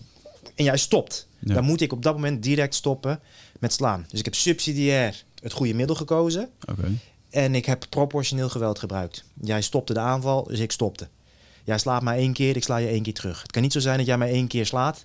En dat ik jou een hoek geef, jij gaat neer. En dat ik je nog tien stoten geef. Dan was ik wel subsidiair, juiste middel gekozen. Weer niet proportioneel. Ja. En dan ten derde heb je discretionaire bevoegdheid. Dus ik rij achter jou aan in mijn politieauto. Ik zie dat jij eh 20 kilometer te snel rijdt. Ik geef je een stopteken. En wat blijkt, je meisje heeft net een, eh, een zwaar ongeluk gehad. Is opgenomen op de eerste hulp en jij bent onderweg. Mhm. Dan zeg ik, vriend, je krijgt geen bekeuring. Kom alsjeblieft achter me aanrijden. Met ik ga met blauw-blauw voor je rijden. We gaan die kant op. Dus ik heb de bevoegdheid om, om af te wijken van de wet. De wet schrijft mij als... Dat vind ik het, het mooiste verschil tussen groen en blauw. Ik heb voor beide kleuren eh, defensie en politie. Mhm. Ik heb voor beide kleuren ontiegelijk veel respect eh, in de basis. Maar wat blauw meer heeft, eh, is discretionaire bevoegdheid. Ja. Hè, bij, bij Defensie is het juist een gevaar als te veel mensen zelf gaan nadenken. Dan moeten wel gewoon orders opgevoerd worden. Ehm, als we dan gaan kijken dat in het Westerpark, eh, ja, we weten de exacte aantallen niet, 3 tot 5.000 mensen voor Black Lives Matter staan te pro- protesteren. Zonder problemen, met politie erbij, niks aan de hand. Dat 5000 mensen op een oneindig veel groter plein, het museumplein, Mm. de tering worden geslagen. Want andere woorden zijn er gewoon niet voor. Dus hè, ik, ik denk, denk dat de meeste mensen, ik hoop dat de meeste mensen die beelden nooit meer vergeten. Een man die zich niet verzet. Het enige wat hij doet is zijn hoofd beschermen. Mhm. En vijf mannen erop die hem bewusteloos slaan. Terwijl die bewusteloos is, wordt er een bijthond opgezet. Die hond die wil niet bijten, want die vent die is bewusteloos. Die vent die komt weer bij, omdat hij klappen krijgt. Die hond die, nou oké, die hond die gaat bijten. Een vrouw die eh, bewust wordt aangereden met een, eh, met een politiebusje. Dan is dus, heb ik het nu over de politie. Mhm. Proportionaliteit, subsidiariteit, discretionaire bevoegdheid. Alle drie eh, zijn eh, uit, het, uit het raam gegooid. Het zegt natuurlijk ook wat over competentie. Als je met vijf man een bewusteloze man moet aanhouden, zeg maar. Ja. Maar als we dan naar het beleid gaan kijken, krijg je weer subsidiariteit, proportionaliteit en laten we even discretionaire bevoegdheid achterwege. Is het gekozen middel eh, erger dan de kwaal? Nou, dat is doorgerekend door eh, hun eigen ministeries. Nee, het heeft 500.000 mensenlevens, mensenjaren, gezonde mensenjaren gekost, onder andere. Ja. Weet je wel, onder jongeren. Depressie met, en, en suïcidale gedachten met 25%. Obesitas met ik weet niet hoeveel omhoog geknald. Ja. Dus het middel is erger dan de kwaal. Subsidiariteit is overboord gegooid. Proportionaliteit. Als je de beelden ziet, jongen, in Frankrijk, zo dichtbij, weet je wel. In Frankrijk, in Duitsland. In Frankrijk een vrouw die helemaal de tandjes wordt geslagen afgelopen week... omdat ze de mondkapje niet opdoet in een, in een winkelcentrum. Door wederom vijf man eh, politie met helmen en knuppels. Een vrouw die zich niet verzet, ja. Dus eh, ik heb me daar gigantisch over uitgesproken. Dit zijn in deze podcast ook de laatste woorden die ik er vuil aan maak. Want ik heb alles al gezegd. En, Mhm. en anderen hebben het nog veel beter eh, gezegd. Ja. Alle feiten zijn er. Laat ik nog één feit noemen. Iedereen kan gewoon op de website van het IDVM het wekelijkse rapport downloaden, wat wekelijks wordt eh, geüpdate met alle cijfers van hun. En daar staat telkens rond pagina 80, het verschilt een beetje, maar achter, achteraan het aantal mensen dat is eh, gestorven aan, aan Heineken, noem ik het eventjes, om, zodat deze aflevering niet te veel eh, wordt weggecensureerd. Onder de 70 jaar aan Heineken is overleden. Mhm. Niet met, maar aan. Anderhalf jaar tijd, 204. Ja. Eigen cijfers van het eh RIVM. Minder dan 1%, veel minder dan 1% van alle overledenen. Eh 70% van de overledenen met Heineken, want dat, is het, dat wordt niet zo in de, in de pers gepubliceerd, heeft meer dan zes ernstige chronische ziektes. Heeft dus en kanker, en diabetes type 2, en hart- en vaatziekten. Nou, en 70 procent. Ja. En die, die getallen waar we dagelijks mee eh, om de oren worden geslagen. eh, ja, dat is niet eens meer eh, manipulatie. Het is, het is gewoon, gewoon, gewoon, gewoon liegen. Ja. Maar het besluit dat ik heb genomen is dat, kijk, de mensen die willen zoeken, de cijfers, ze verstoppen het helemaal niet. Het is niet dat ze het op het acht uur journaal gaan voorlezen. Nee. Maar ze lachen zich de bal uit de broek, want ze hoeven het niet eens te verstoppen. Ze publiceren het gewoon. En, en, de- en mijn boodschap is, leiders, dus dan praat ik nu tegen de leiders, weet je wel. Eh, jullie die willen weten, het ligt er. Je hebt mij niet meer nodig, je hebt Isaac Riens niet nodig, je hebt Tisha Boy J niet nodig. Alsjeblieft, ga ons niet volgen, weet je wel. In jouw gezin, in jouw gemeenschap, eh leid. Ja. En voor de mensen die het niet willen zien, ik hou van jullie, ik heb respect voor je, weet je wel. En ik ga je ook absoluut niet eh, overtuigen. Ja. En dat er nu in sta. Ja, mooi man. Ja, dat overtuigen, dat is op een gegeven moment wel een... dat heb ik zelf ook wel ervaren hier in de podcast. ehm, om op een gegeven moment mijn emotie over te brengen aan de luisteraars. Ja, kansloos. En Michel had een tegenovergestelde emotie, dus dat gaf een leuke dynamiek. Oh ja. En ehm, ehm, toen heb ik toch, eh, ben ik toch een keertje eh, de diepte in gedoken met, eh, met ayahuasca. En die legde mij uit, het is jouw taak om, om alle vormen van waarheid te laten spreken. Dus laat de tegenovergestelde kant ook maar Mooi. spreken. Ja, dus ja, ik heb ja. hier echt, echt hele vervelende gesprekken gehad met mensen die, eh, die er anders over dachten dan ik.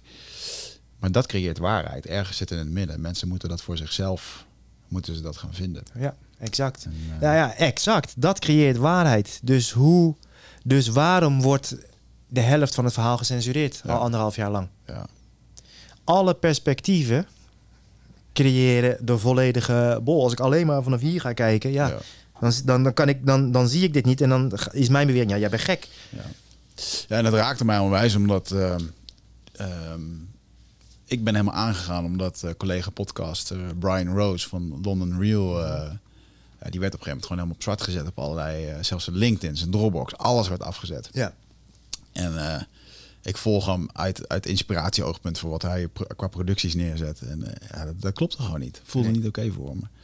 Eh, en nu nog, dat mensen nog steeds zeggen, ah, die censuur. Ik merk het ook. Mijn vrienden merken het niet zo, dat er zoveel Nee, censuur nee, is. Nee, nee, nee. Nou, dat komt omdat je geen content creator bent. Of, Nee. eh? Nee, maar ook gewoon Maurice van der Bos hier, OLVG in Amsterdam. Gewoon, en, en die is helemaal niet eh, anti- of pro-vaccinatie. Dat is gewoon de directeur van een ziekenhuis. Ja. Die gewoon alle- vanaf het begin alleen maar feiten heeft gedeeld. Die is al twee keer van LinkedIn geflikkerd voor posts waar 100% feiten in stonden. Ja. Gewoon 100% verifieerbare eh, feiten. Ja. Ja. Wordt gewoon verwijderd.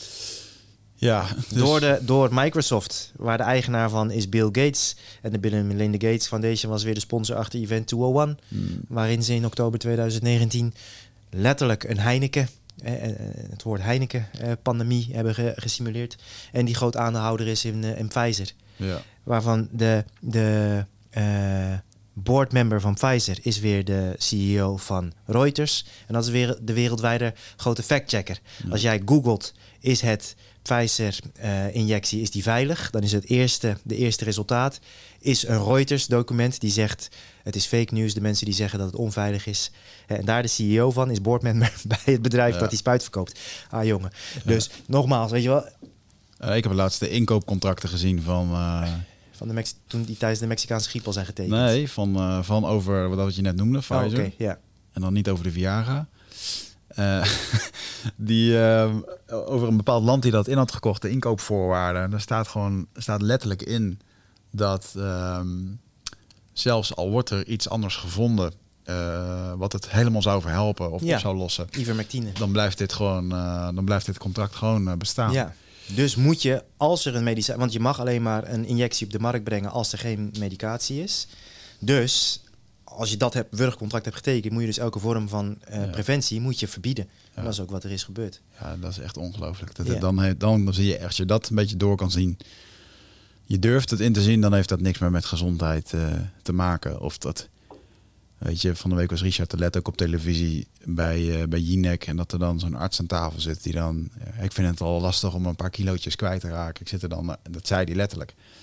Van ja, echt, is dit nu gewoon het niveau? Zwakte, Dus, ja. zwakte. Dus ja, zwakte. Fysiek, mentaal, spiritueel, emotioneel. Zwakke wezens zijn we aan het worden. En dat is die weg van de minste weerstand. Ik pak geen verantwoordelijkheid voor mijn karakter, voor mijn comp- competentie en voor mijn kaders. Ik Mm. breng geen grens aan. Hij, hij vreet dus te veel en hij beweegt dus te weinig. Kijk, zitten en een Netflix-serie kijken is prima, maar kader het, weet je wel? Ja. Niet elke avond drie, eh, drie uur lang. Eh, dus we willen alles de weg van de minste weerstand. Uh, mijn swapfiets, ja, ik ga niet zelf die ketting uh, verwisselen. willen jullie dat doen? koken, thuisbezorgd, willen jullie het komen brengen? Mm. overheid, zij zeggen blank in plaats van wit. En ik moet daarvan huilen. Willen jullie dat aanpassen alsjeblieft? Dus we pakken geen enkele verantwoordelijkheid meer voor niks. Niet meer voor onze gezondheid, niet meer voor onze emoties. Wat leert de natuur ons? Als je elke vorm van weerstand vermijdt, krijg je zwakte. En als je zwak bent, wat, wat heb je dan nodig? Veiligheid van buitenaf. En dan zegt papa overheid, oh jij bent zwak, ik kom jou wel beschermen. En dat is dus, je krijgt de overheid die je, die je, waar, die je verdient, die je nodig hebt zelfs. Je hebt hem nodig. Als je zwak bent, heb je een overheid nodig die zegt, hier heb je een lening, hier heb je een spuitje, hier heb je, ja. Uh, zo laat moet je naar binnen toe, want anders is het gevaarlijk voor je. Ja. Ja, en waar jij wel flink op hamert is het stukje vrijheid hè, dat ontnomen wordt. En mensen zien dat niet zo en denken het loopt allemaal wel los. Maar als je het een beetje volgt, dan loopt dat niet los, loopt het alleen maar vaster. Nou, Hoe meer je inzoomt, hoe makkelijker het is om je te verliezen in de details. we hebben in de geschiedenis nu de afgelopen 200 jaar, nou 100 jaar ongeveer, gezien dat er eens in de zoveel tijd ontstaat er een beweging met een ontzettend mooi verhaal. Hmm. Dat segregatie, discriminatie en polarisatie goedkeurt. Eens in zoveel tijd staat, staat er iemand op of ontstaat er een beweging. Dan luister je naar en denk je, ja maar, dat is, e-, ja, maar dat is echt een mooi verhaal. Veiligheid, liefde, saamhorigheid, weet je wel, dat zijn termen die je dan hoort. En dan in de executie betekent het discriminatie, segregatie, polarisatie. Maar samen, verbinding, weet ik wel, een mooi verhaal. Mm-hmm. En we weten dat, no, dat nog nooit heeft dat tot iets goeds geleid. En het heeft wel tot zo'n ongeveer 200 miljoen doden en gigantisch veel armoede en economische schade uh, geleid. En uh, als je niet oppast, ga je dus op de details van het mooie verhaal inzoomen. Terwijl als je uitzoomt, zie je wat, je, wat we aan het doen zijn vanaf 20 september. Ja. Segregatie, discriminatie, polarisatie. Ja. En um, als je kijkt naar de geschiedenis en hoe dat er bepaalde, hè, het kapitalisme, communisme of socialisme uh, op staat, lijkt het eigenlijk wel een beetje alsof het een uh, de, de, het natuurlijke volgende staat waar we naar naartoe gaan is communisme. Ja. ja, het gekke, een combinatie. Het fascisme, denk, gedachtegoed uit het fascisme wordt gebruikt om het communisme te bereiken. Dat is het, het, het, het, het zieke wat er. Uh, zo, en dat zie je op meerdere lagen in Nederland. Hè. Dus er wordt steeds onder het mom van inclusiviteit, ook zo'n voorbeeld, Ja. wat heel mooi klinkt. Mhm. Maar als je dan gaat kijken wat betekent inclusiviteit, dat we elkaar gaan beoordelen op seksuele voorkeur, op geslacht en op eh, huidskleur. Ja. En vaak ook nog geloofsovertuiging. Dus precies de dingen. eh, gewoon discriminatie, zeg maar. Eh, weer de discriminatie, weer een van, die, een van die drie termen. Onder het mom van inclusiviteit. Mooi verhaal. Dan denk je, ja, maar dat is, toch, dat is ook mooi. En dan, krijgen, en dan hebben vrouwen en, en, minderheden en zo. Ja. Maar wat ben je aan het doen? Je bent aan het, aan het discrimineren. Dus we gebruiken gedachtegoed uit het fascisme. Onderscheid maken bij mensen op basis van aangeboren kenmerken of geloofsovertuiging. En dat gebruiken we om naar een staat te gaan waarin een alles overheersende en controlerende overheid een grijze, geloofloze, genderloze, gezinsloze, gemeenschaploze massa aanstuurt. Mm. ja, en dat is wel heel erg een, eh, een voorbeeld uit de boeken eh, 1984. Ja, George Orwell. Die heeft dat beschreven. En je had laatst nog een andere volgens mij. De, ehm, Een prachtige nieuwe wereld van eh, Huxley. Ja. Brave New World, ja, origineel. Ja. ja. En Ja, wij leven in een combinatie van die twee boeken. Dus in, in 1984 controleert de overheid het volk met angst en onderdrukking en misinformatie en het controleren van taal. Nou, eh, als het goed is moeten er een paar belletjes gaan rinkelen nu ja, in Nederland. ja. En in eh, A Brave New World eh, is het doel van de overheid precies hetzelfde. Een, een, een- een, volk dat volgt en, om, en betaalt omhoog, zeg maar. Want dat beseffen ook heel veel Nederlanders niet. Jij betaalt, jij betaalt belasting, rente en inflatie. En die betaal je aan de top, want die betalen alle die drie die dingen niet. Die ontvangen die drie dingen. Ja. Eh, hè? Dus eh, Facebook betaalt geen belasting, geen rente en geen inflatie. Ehm, maar in A Brave New World doet de overheid dat door het volk te verdoven. Er is daar eh, SOMA, en ik vind dat wel bizar, dat sociale media. Maar dat is een drugs wat gratis wordt uitgedeeld aan het volk. En zodra je dat neemt, ja, dan vind je alles prima, weet je wel. En, Ja. ja.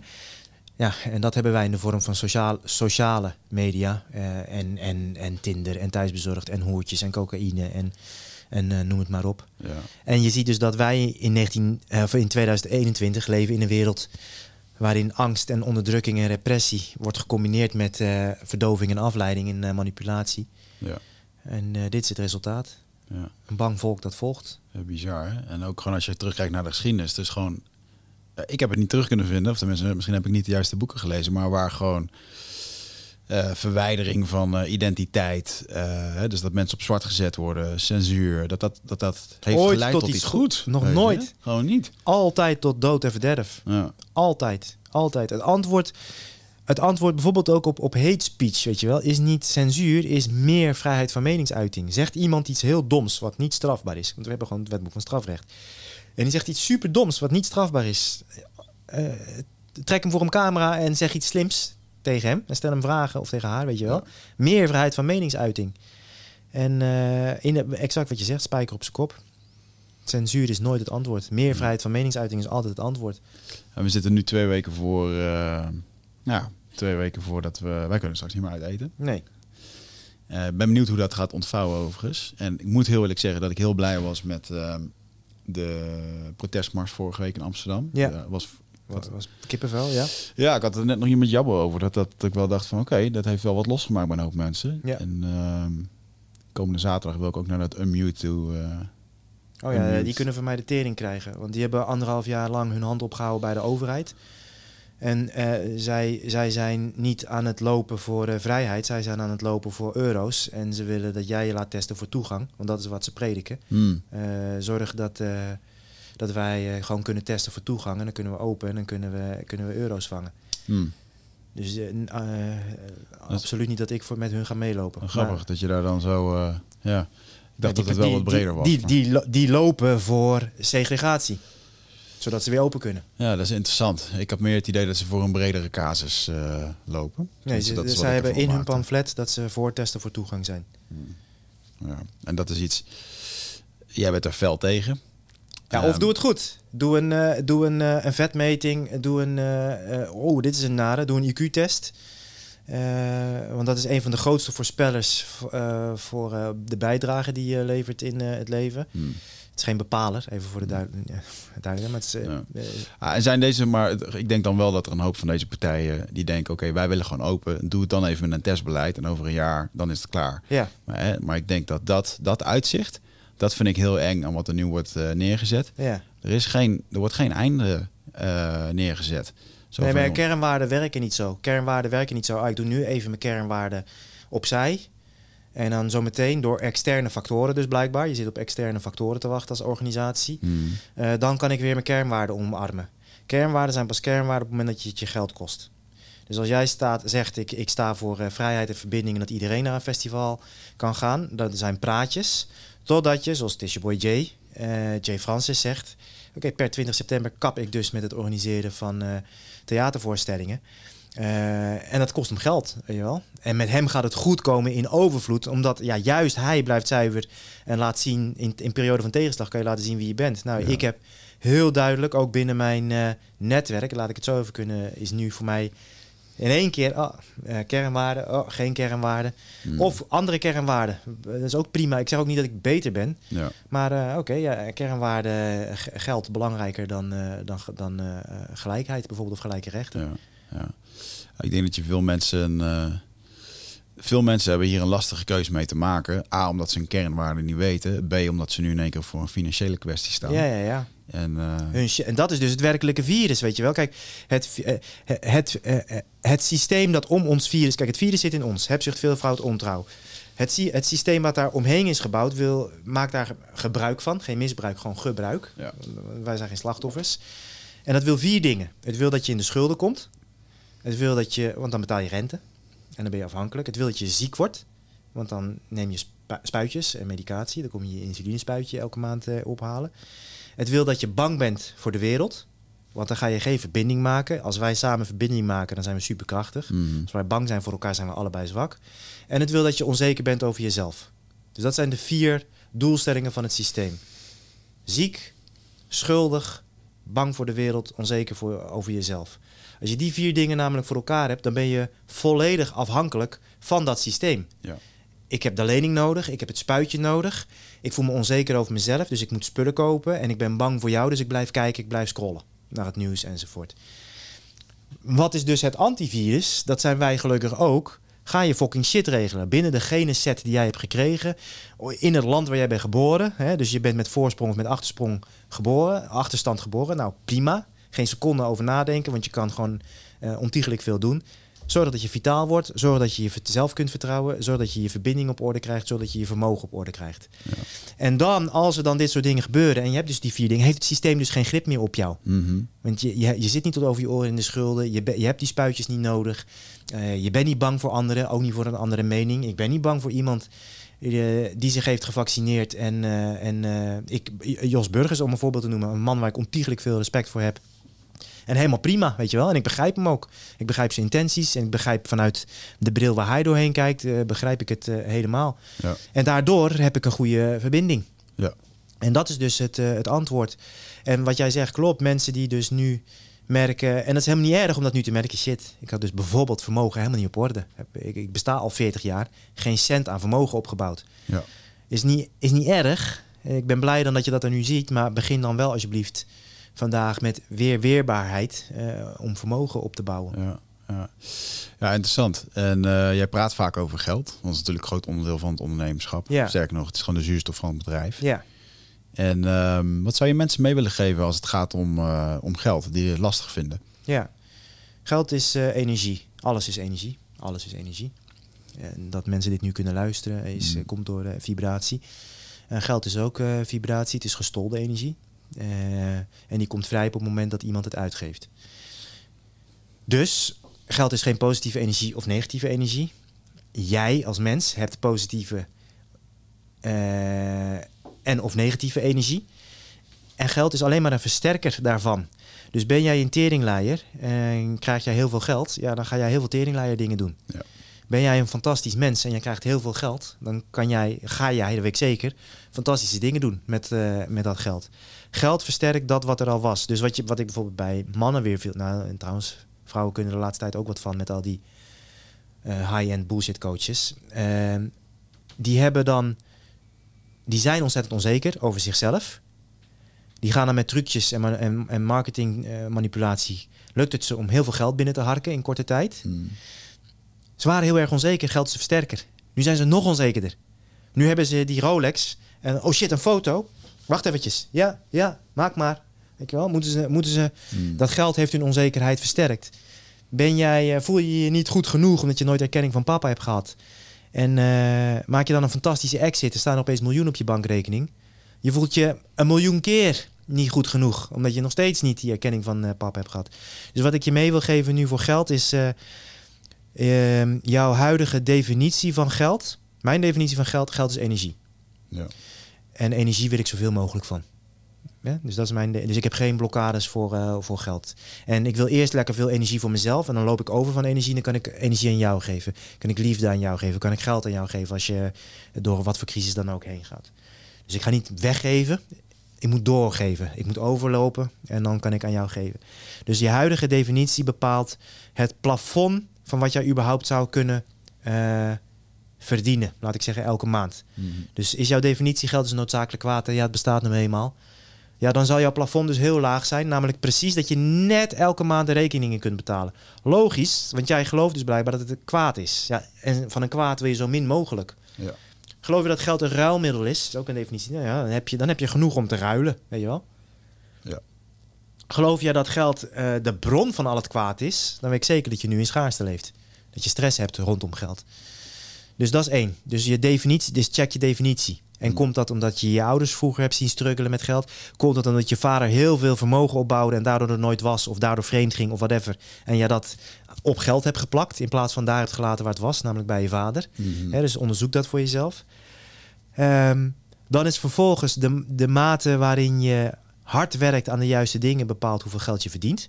Dus als je plafond hier is en je gaat vervolgens zo hard werken, nou, dan verdien je dus zoveel geld. Dus je wil dat plafond lekker hoog. En dan wil je natuurlijk met je, met je werkethos aan de juiste dingen wil je zo hard mogelijk werken. En dan tenslotte bepaalt je karakter hoeveel geld je aan het einde van de maand overhoudt. Ja.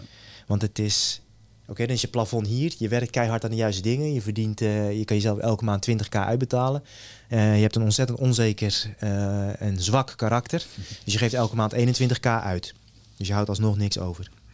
Dus dat zou ik willen meegeven aan mensen. Kijk eens naar die drie niveaus. Wat is je definitie van geld? Eh, werk je consistent aan het juiste?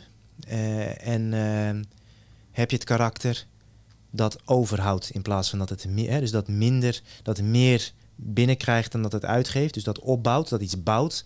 Of heb je een karakter dat leegte voelt intern en dat op probeert te vullen met bijvoorbeeld geld en spullen. Ja. Waardoor je dus elke maand meer uitgeeft dan dat er binnenkomt. Ja. En is geld een belangrijk middel om eh, nou, voor hoe dat de toekomst er de komende jaren. Nou, ik hoop, ik weet niet hoe die eruit gaat zien, maar ehm, zoals het eruit ga- lijkt te gaan zien, gaat geld dan. een Vermogen. Ja, de, de euro gaat verdwijnen. Eh, veel sneller dan dat eh, de mensen beseffen. Dus die zal, ja, ik, ik denk dat die, binnen, dat die over vijf jaar al behoorlijk irrelevant is, de, de euro en de dollar. Ja. Eh, maar gaat eh, 100% verdwijnen. Dus die agenda eh, om eerst cash te laten verdwijnen, nou dat is, eh, is nu gelukt. Ja. En dan is de volgende om eh, euro's te laten en, en, en, eh, en om zeg maar fiat, valuta te laten verdwijnen. Ja. En eh, de Europese Commissie heeft het vorige maand ook gewoon. eh, ze verstoppen niks. Weet je wel. Over drie jaar is er een Europese munt. Staat jouw geld niet meer bij een bank die je hebt gekozen. Ja. Maar is jouw geld in handen van dezelfde overheid die op dit moment eh, deze, deze agenda uitrolt. Dus je geld staat. Je hebt zometeen een digitale munt. En die staat op de rekening bij, een over, bij jouw overheid. Ja. ja, dat is echt een, eh een 1 2 wat veel mensen niet willen inzien. Dat het gaat niet over dit virus. Het gaat erover dat je gewoon een nummertje straks wordt. Een QR-code. Een QR-code krijgt. ehm, waarmee je straks gewoon niet eens eh, eh, brood kan krijgen, bij wijze van spreken, als, je, als jij het verkeerd hebt gezegd. Of, eh, Correct. Of je laatste booster niet hebt laten injecteren. Of ja. En dat verzin het. En dat zien we dus nu al in, in China. Is dit al, al, al twee jaar in, in, in volle gang. In de grote steden. Als jij daardoor rood loopt, krijg je een melding op je telefoon. Is er op dat moment is de bekeuring afgeschreven met gezichtsherkenning. Ja, Ja, dus je dat tot je door laat dringen. Maar dus ook als jij eh, met je telefoon in de buurt komt. En dan krijg je minpunten in je sociale kredietsysteem. Eh, jij staat in de plus, maar ik sta diep in de min. En jij zit dus nu twee uur lang bij mij in de buurt. Krijg jij minpuntjes. ja. Hè? En dan inderdaad, jij hebt iets gepost op LinkedIn. Waar, Ja. waar, het- waar de overheid... Mensen moeten eens voor de gein is, eh, ja, of niet hoor. Maar hoeveel miljardairs er in China verdwijnen. Gewoon structureel.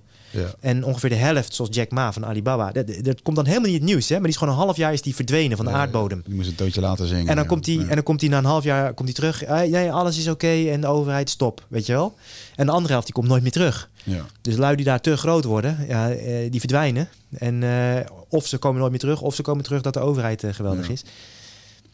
Ja, ja je, je blijft tegen jezelf roepen dat eh, dat, dat daar is. Eh, in Australië vliegen nu de drones door de straat. Als jij eh, de deur uit gaat, word je door een drone aangesproken dat je weer naar binnen moet. Nieuw-Zeeland is het hele land op slot gegaan omdat er één Ja. besmetting, besmetting was. Dat is niet meer proportioneel. Volledig overboord gegooid. Ja. Het gaat echt helemaal nergens over. En terwijl ik heb best wel wat mensen die in Brazilië zitten. En ehm, dat is heel arm en, en dus ook heel ontwetend. Maar daar zijn twintig andere dingen waar je ook dood aan kan gaan. Juist. Dus nobody gives a fuck, weet je wel, dat er een nieuw virus is. Ja. ja, En eh, alsof we in een soort van hypergondische maatschappij moeten gaan leven. exact. Veiligheid van buitenaf. Kijk, een, een olifant heeft zo'n dikke huid. Letterlijk om zijn shit bij elkaar te houden. Hij weegt twee, eh, 2000 kilo. Als hij niet zo'n verschrikkelijke dikke huid had, zou al zijn organen, al zijn shit, al zijn ellende, dat zou Ja. wat zou eruit komen. Bij het, bij het minste gerinkte takje waar hij tegenaan zou lopen. Eh, de natuur zegt, nou weet je wat we doen? We gaan niet de hele wereld veranderen. We geven jou een dikke huid. Kan jij lekker eh, je ding doen. Ja. Wat, wat doet onze overheid? Wat doen wij met z'n allen? Wij, wij vermijden elke vorm die voor eelt kan zorgen. Oeh, eelt, weet je wel. Op onze geest of op ons eh, lichaam. Dus we Mm. krijgen zwakke lichamen en tere geestjes. Waar we dus een flinterdun huidje hebben. Waardoor we dus niet meer kunnen deelnemen aan het leven. Want bij elk scherp hoekje, elk klein takje dat uitsteekt... elke mening waar ik een beetje verdrietig van word... ja, dan, dan raak ik, verlies ik mijn shit. Nou, dat zie je dus ook online gebeuren, bij die, vooral bij die extreemlinkse gekkies. Die verliezen dus letterlijk hun shit. Ja. En eh, dat, is de, dat is natuurlijk wat het systeem ook wil. Die wil zwakke, tere wezentjes die volle een superdun huidje hebben zodat ze volledig afhankelijk zijn van het systeem. Wil je alsjeblieft alles voor mij zacht en rond maken? Wil je me alsjeblieft te eten geven? Wil je me alsjeblieft een spuitje geven... zodat ik door kan blijven vreten? Want ik zelf kan geen maat houden. Mm. Dus ik krijg diabetes type 2. 1,2 miljoen Nederlanders vandaag. Ja. Eh, dus wil je me alsjeblieft een spuitje geven? Dus ja, het vermijden van weerstand leidt tot zwakte. En zwakte leidt tot afhankelijkheid. En dat is wat we nu krijgen. Interessant dat je zegt de linkse gekkies. Wat vroeger links was, is nu rechts en, en, en andersom. Ja, ja, ja, ja, ja. En die, die verschuiving, die maakt het ook echt heel erg Extreem warrig. links, hè, wil ik er wel bij zeggen. Wat, Ja. ik, wat ik nu... Ik zat gisteren eh, een toespraak te kijken van mijn vriendin eh, mevrouw Kaag. en die, die haalt dan in één keer vanuit het niks tot iedereen's verbazing uit naar wat er dan nu wordt opgebouwd, naar die nieuwe coalitie, wat er dan gebouwd moet worden. En mijn eerste gedachte was gewoon, wauw, jij trekt nu gewoon de kaart. Alsof niemand te vertrouwen is, het allemaal kloot is en jij echt het nieuwe leiderschap bent, bla bla bla. Maar je bent hier gewoon, het is gewoon een, is echt een, een spel wat je aan het spelen bent, weet je wel. Het is natuurlijk ook een spel, het hele politiek ding.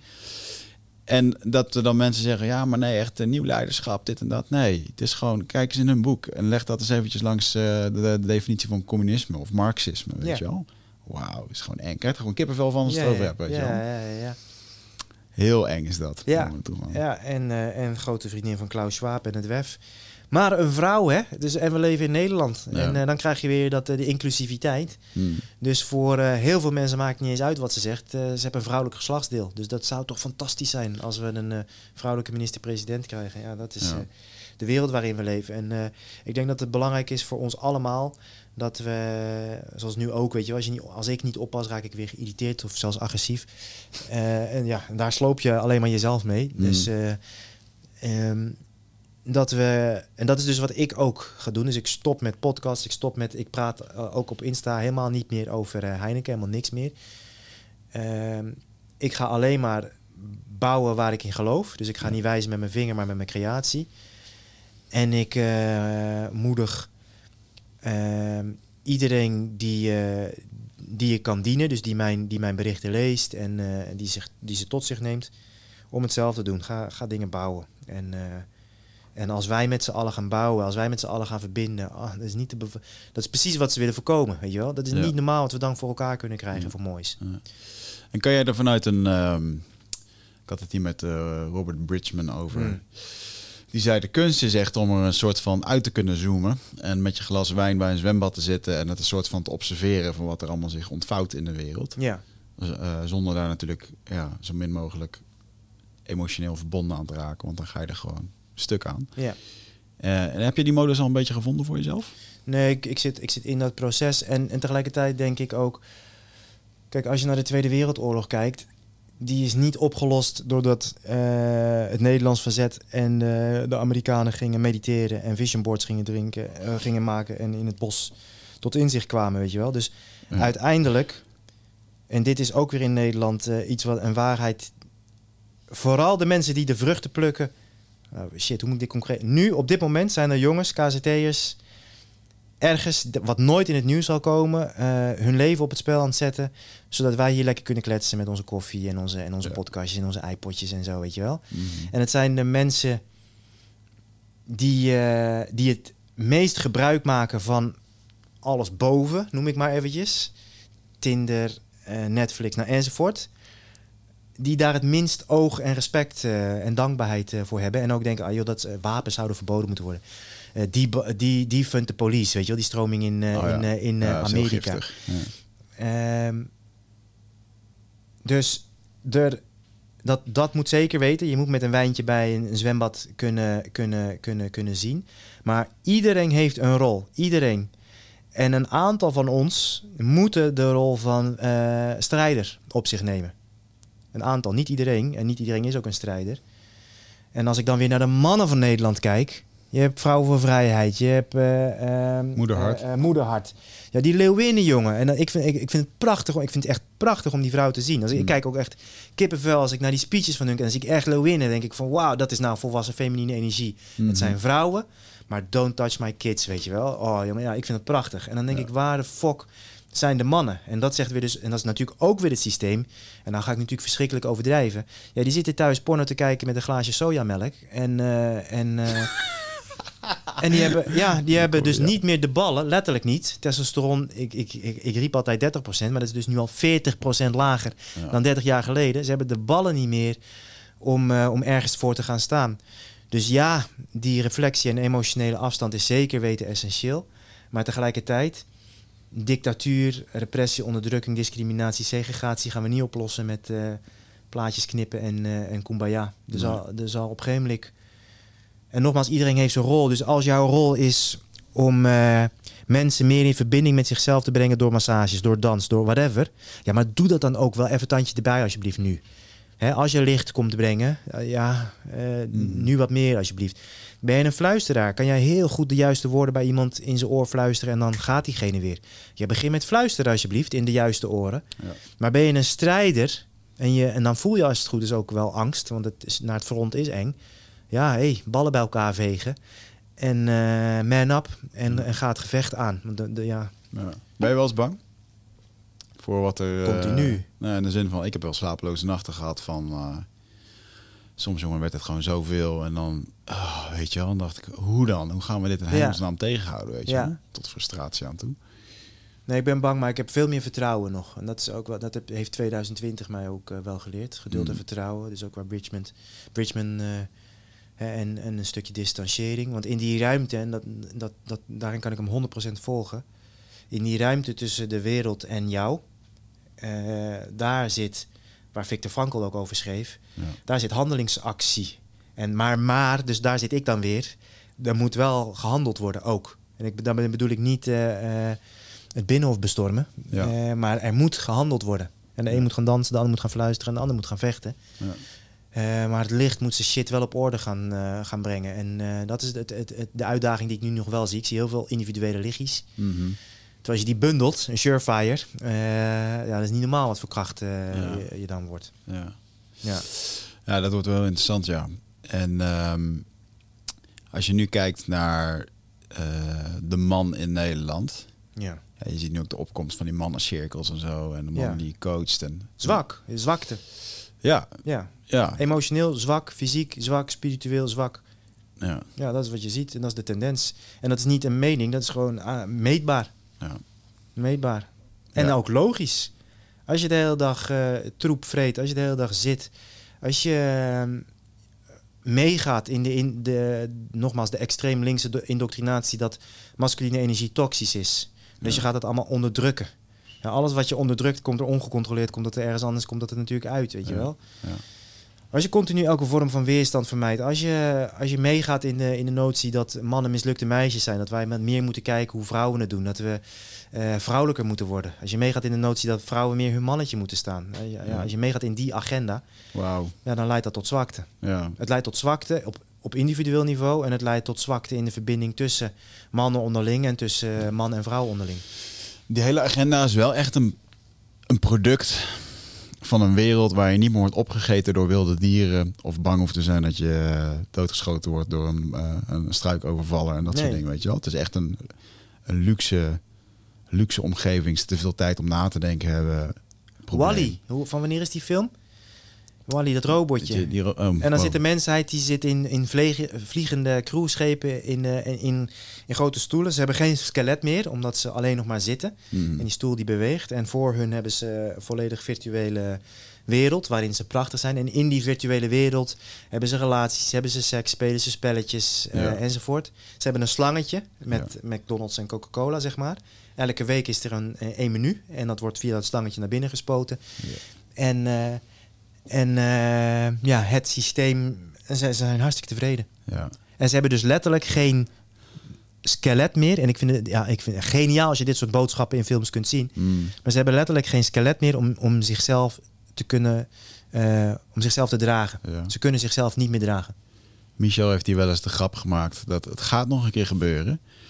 Dat er straks een politieeenheid ergens een deur binnentrapt omdat het er stinkt. En dat er gewoon een gast met zijn koptelefoon op porno zit te kijken. Die al vier weken lang op zijn kamer weg ligt te rotten. Ja, Eh, en dat hij is gestorven, weet je wel. Ja. Dat soort situaties ga je gewoon krijgen. ja, En, eh, en zeker ook in... eh, je ziet het eigenlijk al gewoon gebeuren in China en Japan. Omdat Ja. daar nog meer wordt ingezet op die, op die agenda. ja. Ehm, en ze gewoon nog veel meer bevolking hebben. Dus je ziet Ja. daar ook veel eerder de resultaten. Kan je wel zeggen, ja, dat is daar. Maar het is wel stiekem wat hier nu langzaam wordt Ja. uitgerold. ja. En omdat mannen steeds zwakker worden, moeten vrouwen wel steeds eh, harder worden. En dat kunnen ze, alleen ze worden er verdrietig van. En dat, Ja. zie je, en dat zie je ook. Dus je ziet nu steeds meer harde vrouwen die hun mannetje staan. Power boss, nou top weet je wel. Mhm. Top carrière. Überhaupt, waarom wil je dat? Waarom wil je bij de top 1% zitten? Zeg ik ook tegen mannen. Maar aan vrouwen vraag ik het helemaal. Waarom, in godsnaam, waarom wil je het leven van een man modelleren die 100 uur per week werkt, zijn kinderen niet ziet opgroeien, zijn gezondheid aan het inleveren is, eh, maar inderdaad een heel mooi gouden businesskaartje heeft en in, uh, in een lease Tesla rijdt? Waarom wil je dat? Leg dat is aan mij uit, weet je wel. Top 20% prima, maar waarom, moeten, waarom, waarom is D66 zo trots op, de, op die... Uh, hè, dat, dat vorig jaar is aangenomen dat één op de drie raadsleden van bestuur moet een vrouw zijn nu. Dus ten eerste weer uh, oordelen op geslachtsdeel in plaats van competentie. Het gaat over 66 banen in heel Nederland. Waarom praten we over die top 0,1 procent? En, uh, en je ziet dus dat mannen worden steeds zwakker. Je ziet vrouwen die worden uh, steeds harder. Vrouwen zeggen steeds vaker, ja, waar zijn de mannen? En ik snap ze, want uh, ze zijn er ook niet. En tegelijkertijd zie je ook dat, ja kijk, een, de natuur eist balans. Dus voor wie is een harde vrouw aantrekkelijk? Voor een zwakke man. Ja. En dat is precies de man die ze niet wil. Ja. Dus het, ja, alles valt uit elkaar. Ja. En ook weer die, die hele ideologie. Mannen en vrouwen zijn vanzelfsprekend evenveel waard. En je, je, kan, je kan er zelfs nog uh, over discussiëren. En dat is, dat, dat is een discussie die natuurlijk weinig mensen willen voeren. Of werkelijk waar iedereen evenveel waard is. Kan je over Ik zou er graag over. Ik ben het daar namelijk niet mee eens. Ik ook niet. Nee. Uh, maar oké, okay, mannen en vrouwen zijn sowieso evenveel waard in principe. Dat, dat durf ik wel te stellen. Maar ze moeten gelijk zijn. Dus we willen geen gelijke kansen, we willen gelijke, gelijke resultaten. Dus alle verschillen moeten weg. Als alle verschillen tussen mannen en vrouwen weg zijn, heb je elkaar dus niet meer nodig. Ja? En wederom een, een, een overwinning voor de agenda. Mm. Als, je, als je ziet hoe de God, Allah, de natuur het heeft bedoeld. Nou, ten eerste, dus dat je niet zegt: Ik weet het beter dan God, Allah, de natuur. Dus dat vind ik al interessant. Ja. Ja, maar als je kijkt naar de, de natuur, heeft ons heel duidelijk gewoon wetenschappelijk gezien anders gemaakt. Ze zijn gewoon verschillen. Hoe tof is het als je die verschillen dus omarmt, als je elkaar beter gaat bestuderen, zodat je elkaar beter begrijpt, zodat je beter met elkaar kunt verbinden. En dat we dus dankzij die verschillen elkaar nodig hebben in plaats van ik, ik heb helemaal niemand nodig. Ik, ik ben pas een, je bent pas een echte vrouw als je geen man nodig hebt. Volgens mij, als dat je is gelukt, dat je geen man nodig hebt, dat je onafhankelijk bent, dan, heb je dus, dan ben je dus succesvol. Ja. heb je gefaald. Heb je iets bereikt wat je absoluut niet wil winnen. Als wij onze verschillen omarmen en we zoeken elkaar op, dan zijn we dus samen compleet. En dan zijn we fucking krachtig. Mm. En dat weet het systeem. Dus is dat niet de bedoeling. Mm. Dus mannen, doe alsjeblieft zacht, lief en aardig. En vrouwen, kom op, power, carrière maken. Vergeet kinderen en uh, gezin. Ja. En je hebt geen man nodig. Ja. Een hele hoop van dit begint al bij de opvoeding. En je bent ook een nieuwe initiatief gestart, een nieuwe lichting. Ja, man. Geniet er echt van. Ik zag het laatst op, uh, op de Instagram voorbij komen. Ja. Het was heel erg grappig, want een van de jongens stond ik een week eerder mee op een camping bij, uh, bij Jesse. Oh, uh, ja. En die stond, uh, die kuste daar een konijntje. Ja. En ik wist dat hij vegetarisch was. Ja. dus ik, moest, ik, had, ik had er veel lol, lol over om dat, dat te zien.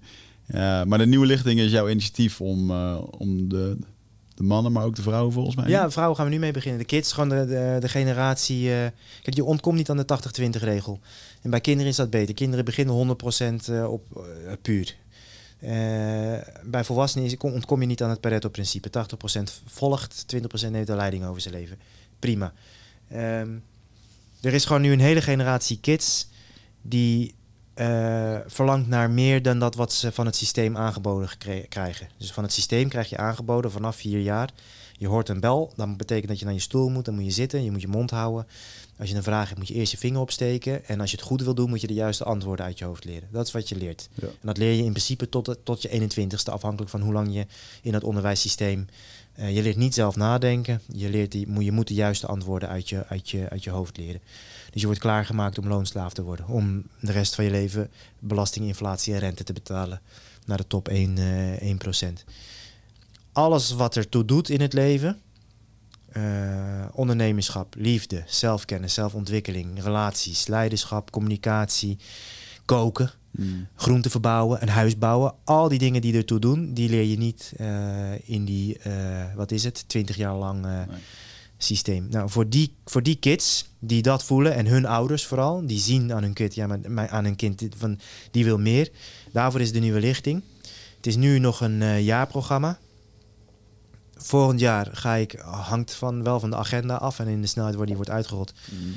Maar gaan we een hele grote boerderij met een heel groot stuk land kopen, met een groot hek eromheen, ook vooral Zodat we gewoon lekker ons eigen ding kunnen doen. Dan is de bedoeling dat het een vier maanden interne opleiding wordt. Oh, wow. Ja, want toen wij die week, we hadden ze een week in de Ardennen. En toen zei ik ook tegen Erwin van Beek. Ze keken we elkaar aan. Wat voor transformatie die jongens maakten in één week. Weet je Ja. wel? Hoe ze eerlijk waren naar elkaar. Hoe ze hun shit begonnen te regelen. Hoe ze eh, uitspraken ik ga stoppen met eh, drugs of met porno. Of eh, eentje die liefdesverdriet heeft en dat gewoon durft te delen in de groep. Mooi. Ja. Eh, ja, als je, ze, als je ze vier maanden hebt, dan systeem, probeer maar. Ik weet dan al, het systeem krijgt geen grip meer op ze. Nee, Dan zijn ze te wijs, zijn ze te sterk.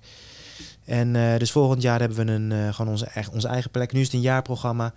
Eh, meerdere tweedaagse, een week in de Ardennen. en elke maand sowieso een live dag. En dan elke week online. Waarbij ze dus alles leren wat ze eigenlijk op school hadden moeten leren. En Ja. dat leren ze van, van de beste. Dus als het over voeding gaat, komt Richard Talet. Als het met die meiden, als die eh, zo meteen als het over weerbaarheid komt, Sarah de Baye, tweevoudig wereldkampioen, weet je wel. Als het over eh, eh, ondernemerschap is, nou dan eh, zorg ik dat er een, een goede ondernemer komt. Gaat het over crypto, dan komt er dus iemand die financieel al, die zeg maar al bijna tien jaar bezig is met crypto en ook financieel Ja. helemaal klaar is. Niet een of ander uh. Dus ze krijgen gewoon les van de beste van de beste en het is alleen maar praktijk. Ja. Dus dan, als het over crypto gaat, dan is het wallet aanmaken, geld daar naartoe storten. Mooi. Ja. Ja. Vet man. Ja. Ja, dat is wel echt het eh, nieuwe. Ik zit nu zelf met een, jo- eh, met een, eh, een dochter van drie jaar.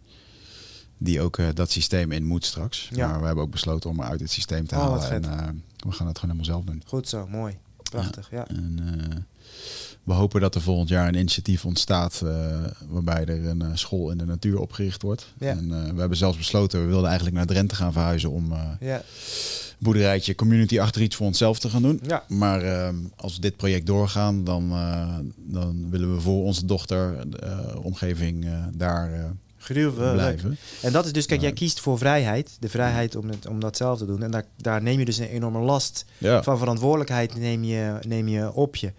En ik denk dus dat, of ik denk, de natuur selecteert natuurlijke selectie. Het is moeder natuur, dus het vrouwelijke selecteert ook. Maar moeder natuur selecteert. En wat ik bijvoorbeeld nu zie in de hele agenda, daar wil ik nog even op terugkomen, die nu rondom Heineken wordt uitgerold. Er wordt de laatste tijd heel vaak de vergelijking gemaakt met een rijbewijs. Ja, maar mensen zonder rijbewijs mogen toch ook niet autorijden? ja, Een rijbewijs is een test van karakter en competentie en kaders. Ja. Heb jij de competentie om een, om een stalen constructie van 1500 kilo, die misschien wel 200 of meer kilometer per uur kan gaan, om die überhaupt onder controle te kunnen houden? Heb je de Mm. competentie? Heb je vervolgens het karakter en de kaders om niet 200 te gaan rijden op een 50 kilometer weg? Weet je wel? ja. Dus wat Martin Luther King, eh, wat is het, 30 jaar geleden, of eh, wanneer was dat, riep. eh, laten we elkaar alsjeblieft beoordelen op karakter en competentie. Dat was zijn droom, weet je wel. Ja. En niet op uiterlijke kenmerken, Ja. geloofsovertuiging, medische kenmerken enzovoort. Dus die hele vergelijking is juist een pleidooi voor, voor of die is zo verschrikkelijk mank. Het is een prachtig voorbeeld van inderdaad hoe krom het is. Want we selecteren met een testen voor toegang, selecteren we dus niet op karakter en competentie. Nee, we selecteren, ja, op, leg het mij eens uit waar we op selecteren. Want we, Ja. we selecteren niet op veiligheid, ook niet. Nee. We selecteren absoluut niet op gezondheid. Want diegene met diabetes type 2 en chlamydia en, eh, eh, en eh, 100 kilo overgewicht en doorgesnoven, die mag wel doorlopen. Ja. Maar jij en ik niet, weet je wel. Ja. En, ehm, en hoe meer wij dus karakter, competentie en kaders opgeven, in ruil voor veiligheid en comfort, des te meer we onze vrijheid eh, en zingeving gaan verliezen. Hmm.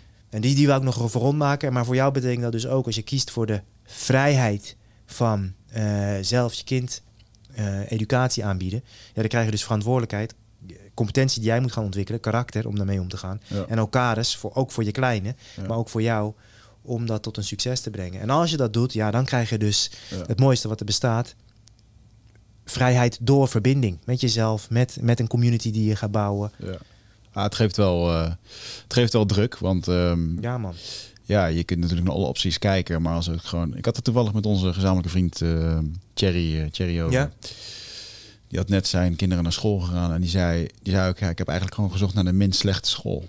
Ja. Dat, is- dat is waar we op selecteren. ja.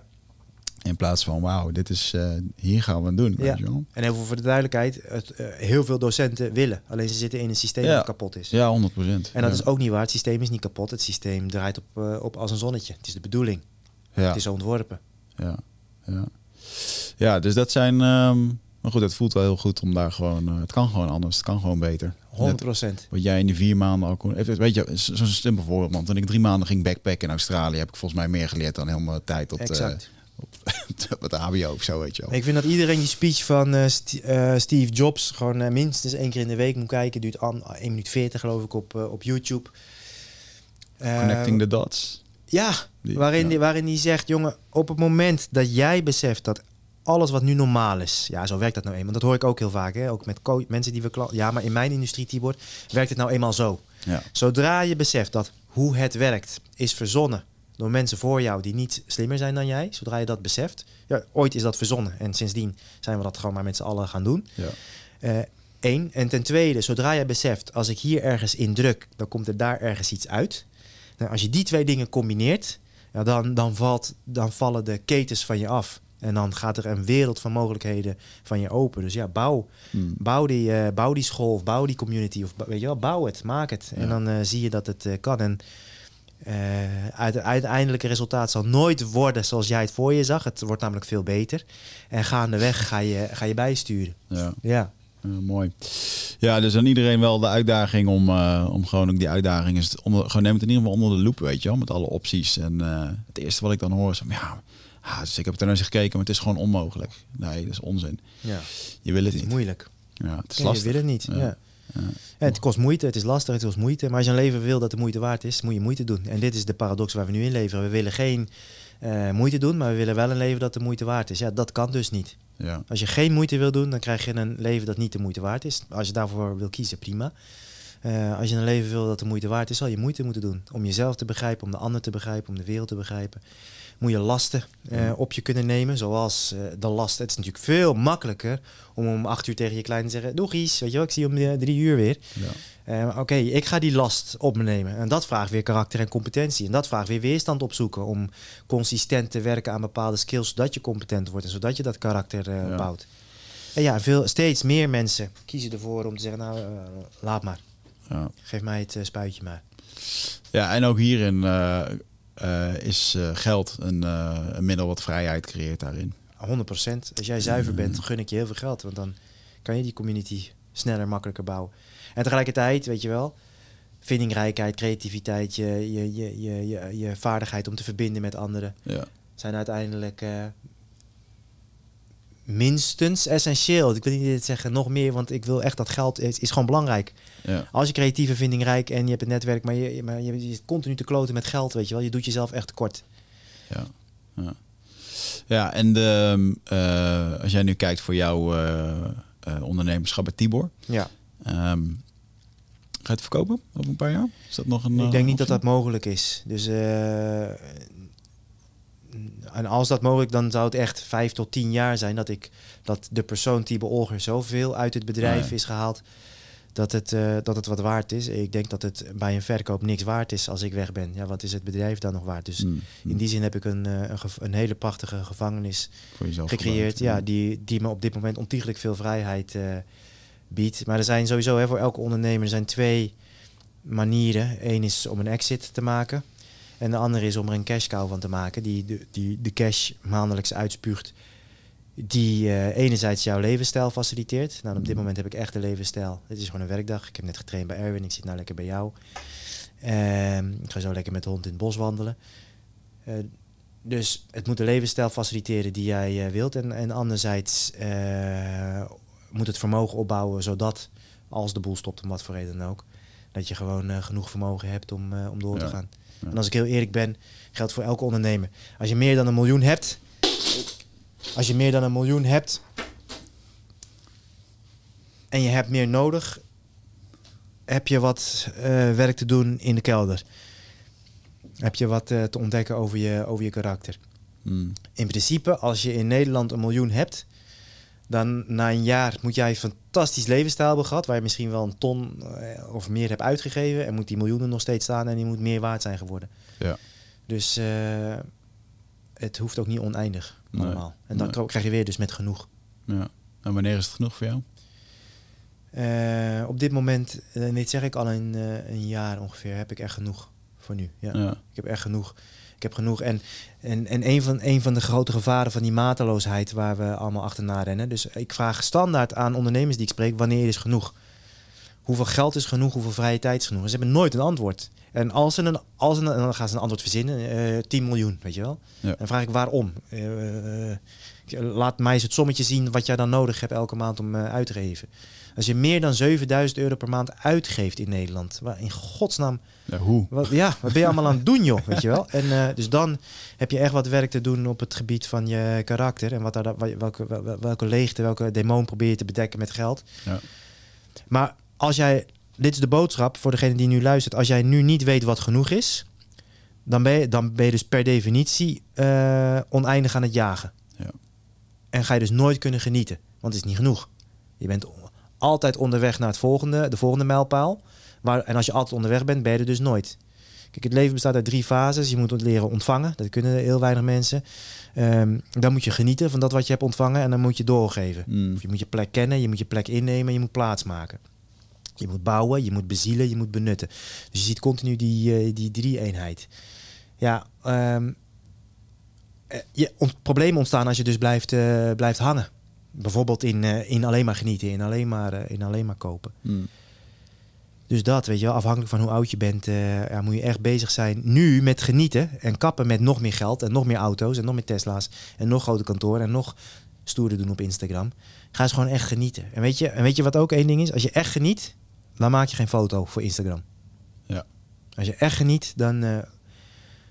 als je echt in het moment bent, hoef je dat moment niet te delen met mensen die je niet kent. Ja. Ja. Dus ik denk dat ook veel mensen die kunnen laten bezinken. En, eh, en op een gegeven moment moet je vooral ook bezig zijn met... eh, met- nou, dat is wat ik nu doe met de nieuwe lichting, plaatsmaken. Dat is waarom ik ook niks meer ga zeggen over Heinik op Instagram. Ik maak plaats. Mm. Ik heb alles al gezegd, weet je wel. Ja, zeker. En dat Ja. is die circle of life. Ja.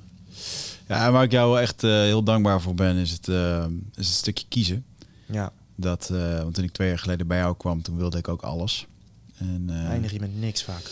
Ja, en ehm, Of met heel veel ik weet nog wel dat er toen eh, tegen mij werd gezegd eh, door jou, eh, leuk dat je dit en dat wil ondernemen. Ik had een soort idee dat ik wel een soort Richard Branson franchise kon zijn, met allerlei verschillende bedrijfjes en projectjes. Waar ik eigenlijk alleen maar stress en ongeluk van kreeg. Ja, En ik weet nog dat je dat zei. of je gaat spreken, of je gaat verder met die supplementen. En morgen willen we het van je horen. En daar heb ik echt een nacht van. Ja, ik heb toen zitten janken gewoon Ja, daar te plekken. goed. Dat Ja, was het ja. eerste wat gebeurde. Van wow, maar dit was eigenlijk niet waarvoor ik hier kwam. ja. ja ik wou gewoon leuk. Weet je? Ja. Ik wou dat jullie mij dat helpen met dat imperium. Maar dat imperium dat komt dus niet op het moment dat je overal je, je tenen in het water eh, Nee. houdt. Als je En- steeds meer half werk gaat leveren, eh, moet je niet verwachten dat je iets fantastisch gaat afleveren. Ja. En dat is inderdaad de keuze. Die, en dat is weer die mateloosheid waar we, waar we in zitten. Geen kaders. En ik zeg nou, kies één ding en doe dat verschrikkelijk goed. In plaats van steeds meer half Ja. werk leveren. Een halve relatie, een halve vader zijn, een half bedrijf, een half business idee. Ja, het is mooi dat je dat zegt, want dat is natuurlijk gewoon een momentopname. Daar word je wakker geschud, dan ga je ermee aan de slag. En eh, ja, goed, nu zijn we bijna eh, twee jaar verder. En, eh, eh, en nu pas kan ik het echt gaan, gaan doen, weet je wel. Eh, Ja, ja. Ik heb ook veel gekozen in mijn relatie. Ik heb ook veel, er werd ook veel voor mij gekozen. Dat is ook een hele interessante. Als je zelf niet kiest, wordt er voor je gekozen. Ja, en ook op een gegeven moment door de pandemie. oh, nou, nu de verkoop is geen goed moment, weet je wel. En ja, dus als je zelf die, die keuze niet maakt. Maar had ik het nu, connecting the dots, had ik het gewoon eh, een week later eh, op marktplaats moeten zetten. Ja. ja. Weet je, maar dus daar ben ik je wel heel erg dankbaar voor, eh, voor het stukje kiezen. ja, met liefde. Dank voor het ontvangen. Ja, mooi man. Is er nog iets wat je kwijt wil aan onze lieftallige luisteraars? Ja, jongens, ja, voor jou, degene die nu luistert, het feit dat je luistert, volgens mij bijna twee uur. Sowieso ben je dan een, een, een leukert, een rarert, een gekkie, een afwijker. Ehm, dus ik zou willen zeggen, omarm dat. Ehm, als je een verschil wil maken, moet je per definitie een, eh, een afwijker zijn. En afwijken is niet iets wat je doet. Afwijken is eh, iets waarmee je stopt, namelijk jezelf aan te passen aan een norm. Eh, die gedachten die je denkt, maar die je niet uitspreekt, omdat je denkt dat past niet. Of die verlangens die je voelt, maar die je niet najaagt, omdat je denkt dat hoort niet. Dus ik zou je willen uitnodigen, ga op zoek naar de dingen die je denkt, maar niet zegt. Naar de dingen die je verlangt, maar niet najaagt. Maak helder voor jezelf wat voor jou genoeg is. En eh, stop met jezelf aan te passen. Dan word je, word je direct eindelijk de afwijker die je al die tijd al was. En dan ga je verschil maken joh, voor jezelf. En, eh, en vul je ook eindelijk dat puzzelstukje op waar nu leegte is, namelijk jouw plek in het, eh, in het complete plaatje. Mooi. erachter komen wie je bent, wat je wilt en hoe je dat gaat doen. exact. Dankjewel voor je komst, jongen. Thanks voor het mooie gesprek. Uh, we gaan nog een documentaire opnemen. Ook nog eens. Dat gaan we nog doen. Dat doe je nog wel, hè? Ja, oké. Okay, ja. Dat, uh, dat heeft al. Dat, ja, die okay. deal die is al gesloten. Dat, dus die gaan we doen. Cool. Alright, gek. Luisteraars, dankjewel voor het luisteren. Tot de volgende. En uh, uh, ja, nogmaals, ik hoop dat je wat aan gehad hebt. Dat je het meeneemt in deze tijd voor jezelf. Denk erover na en doe er wat mee. Ciao.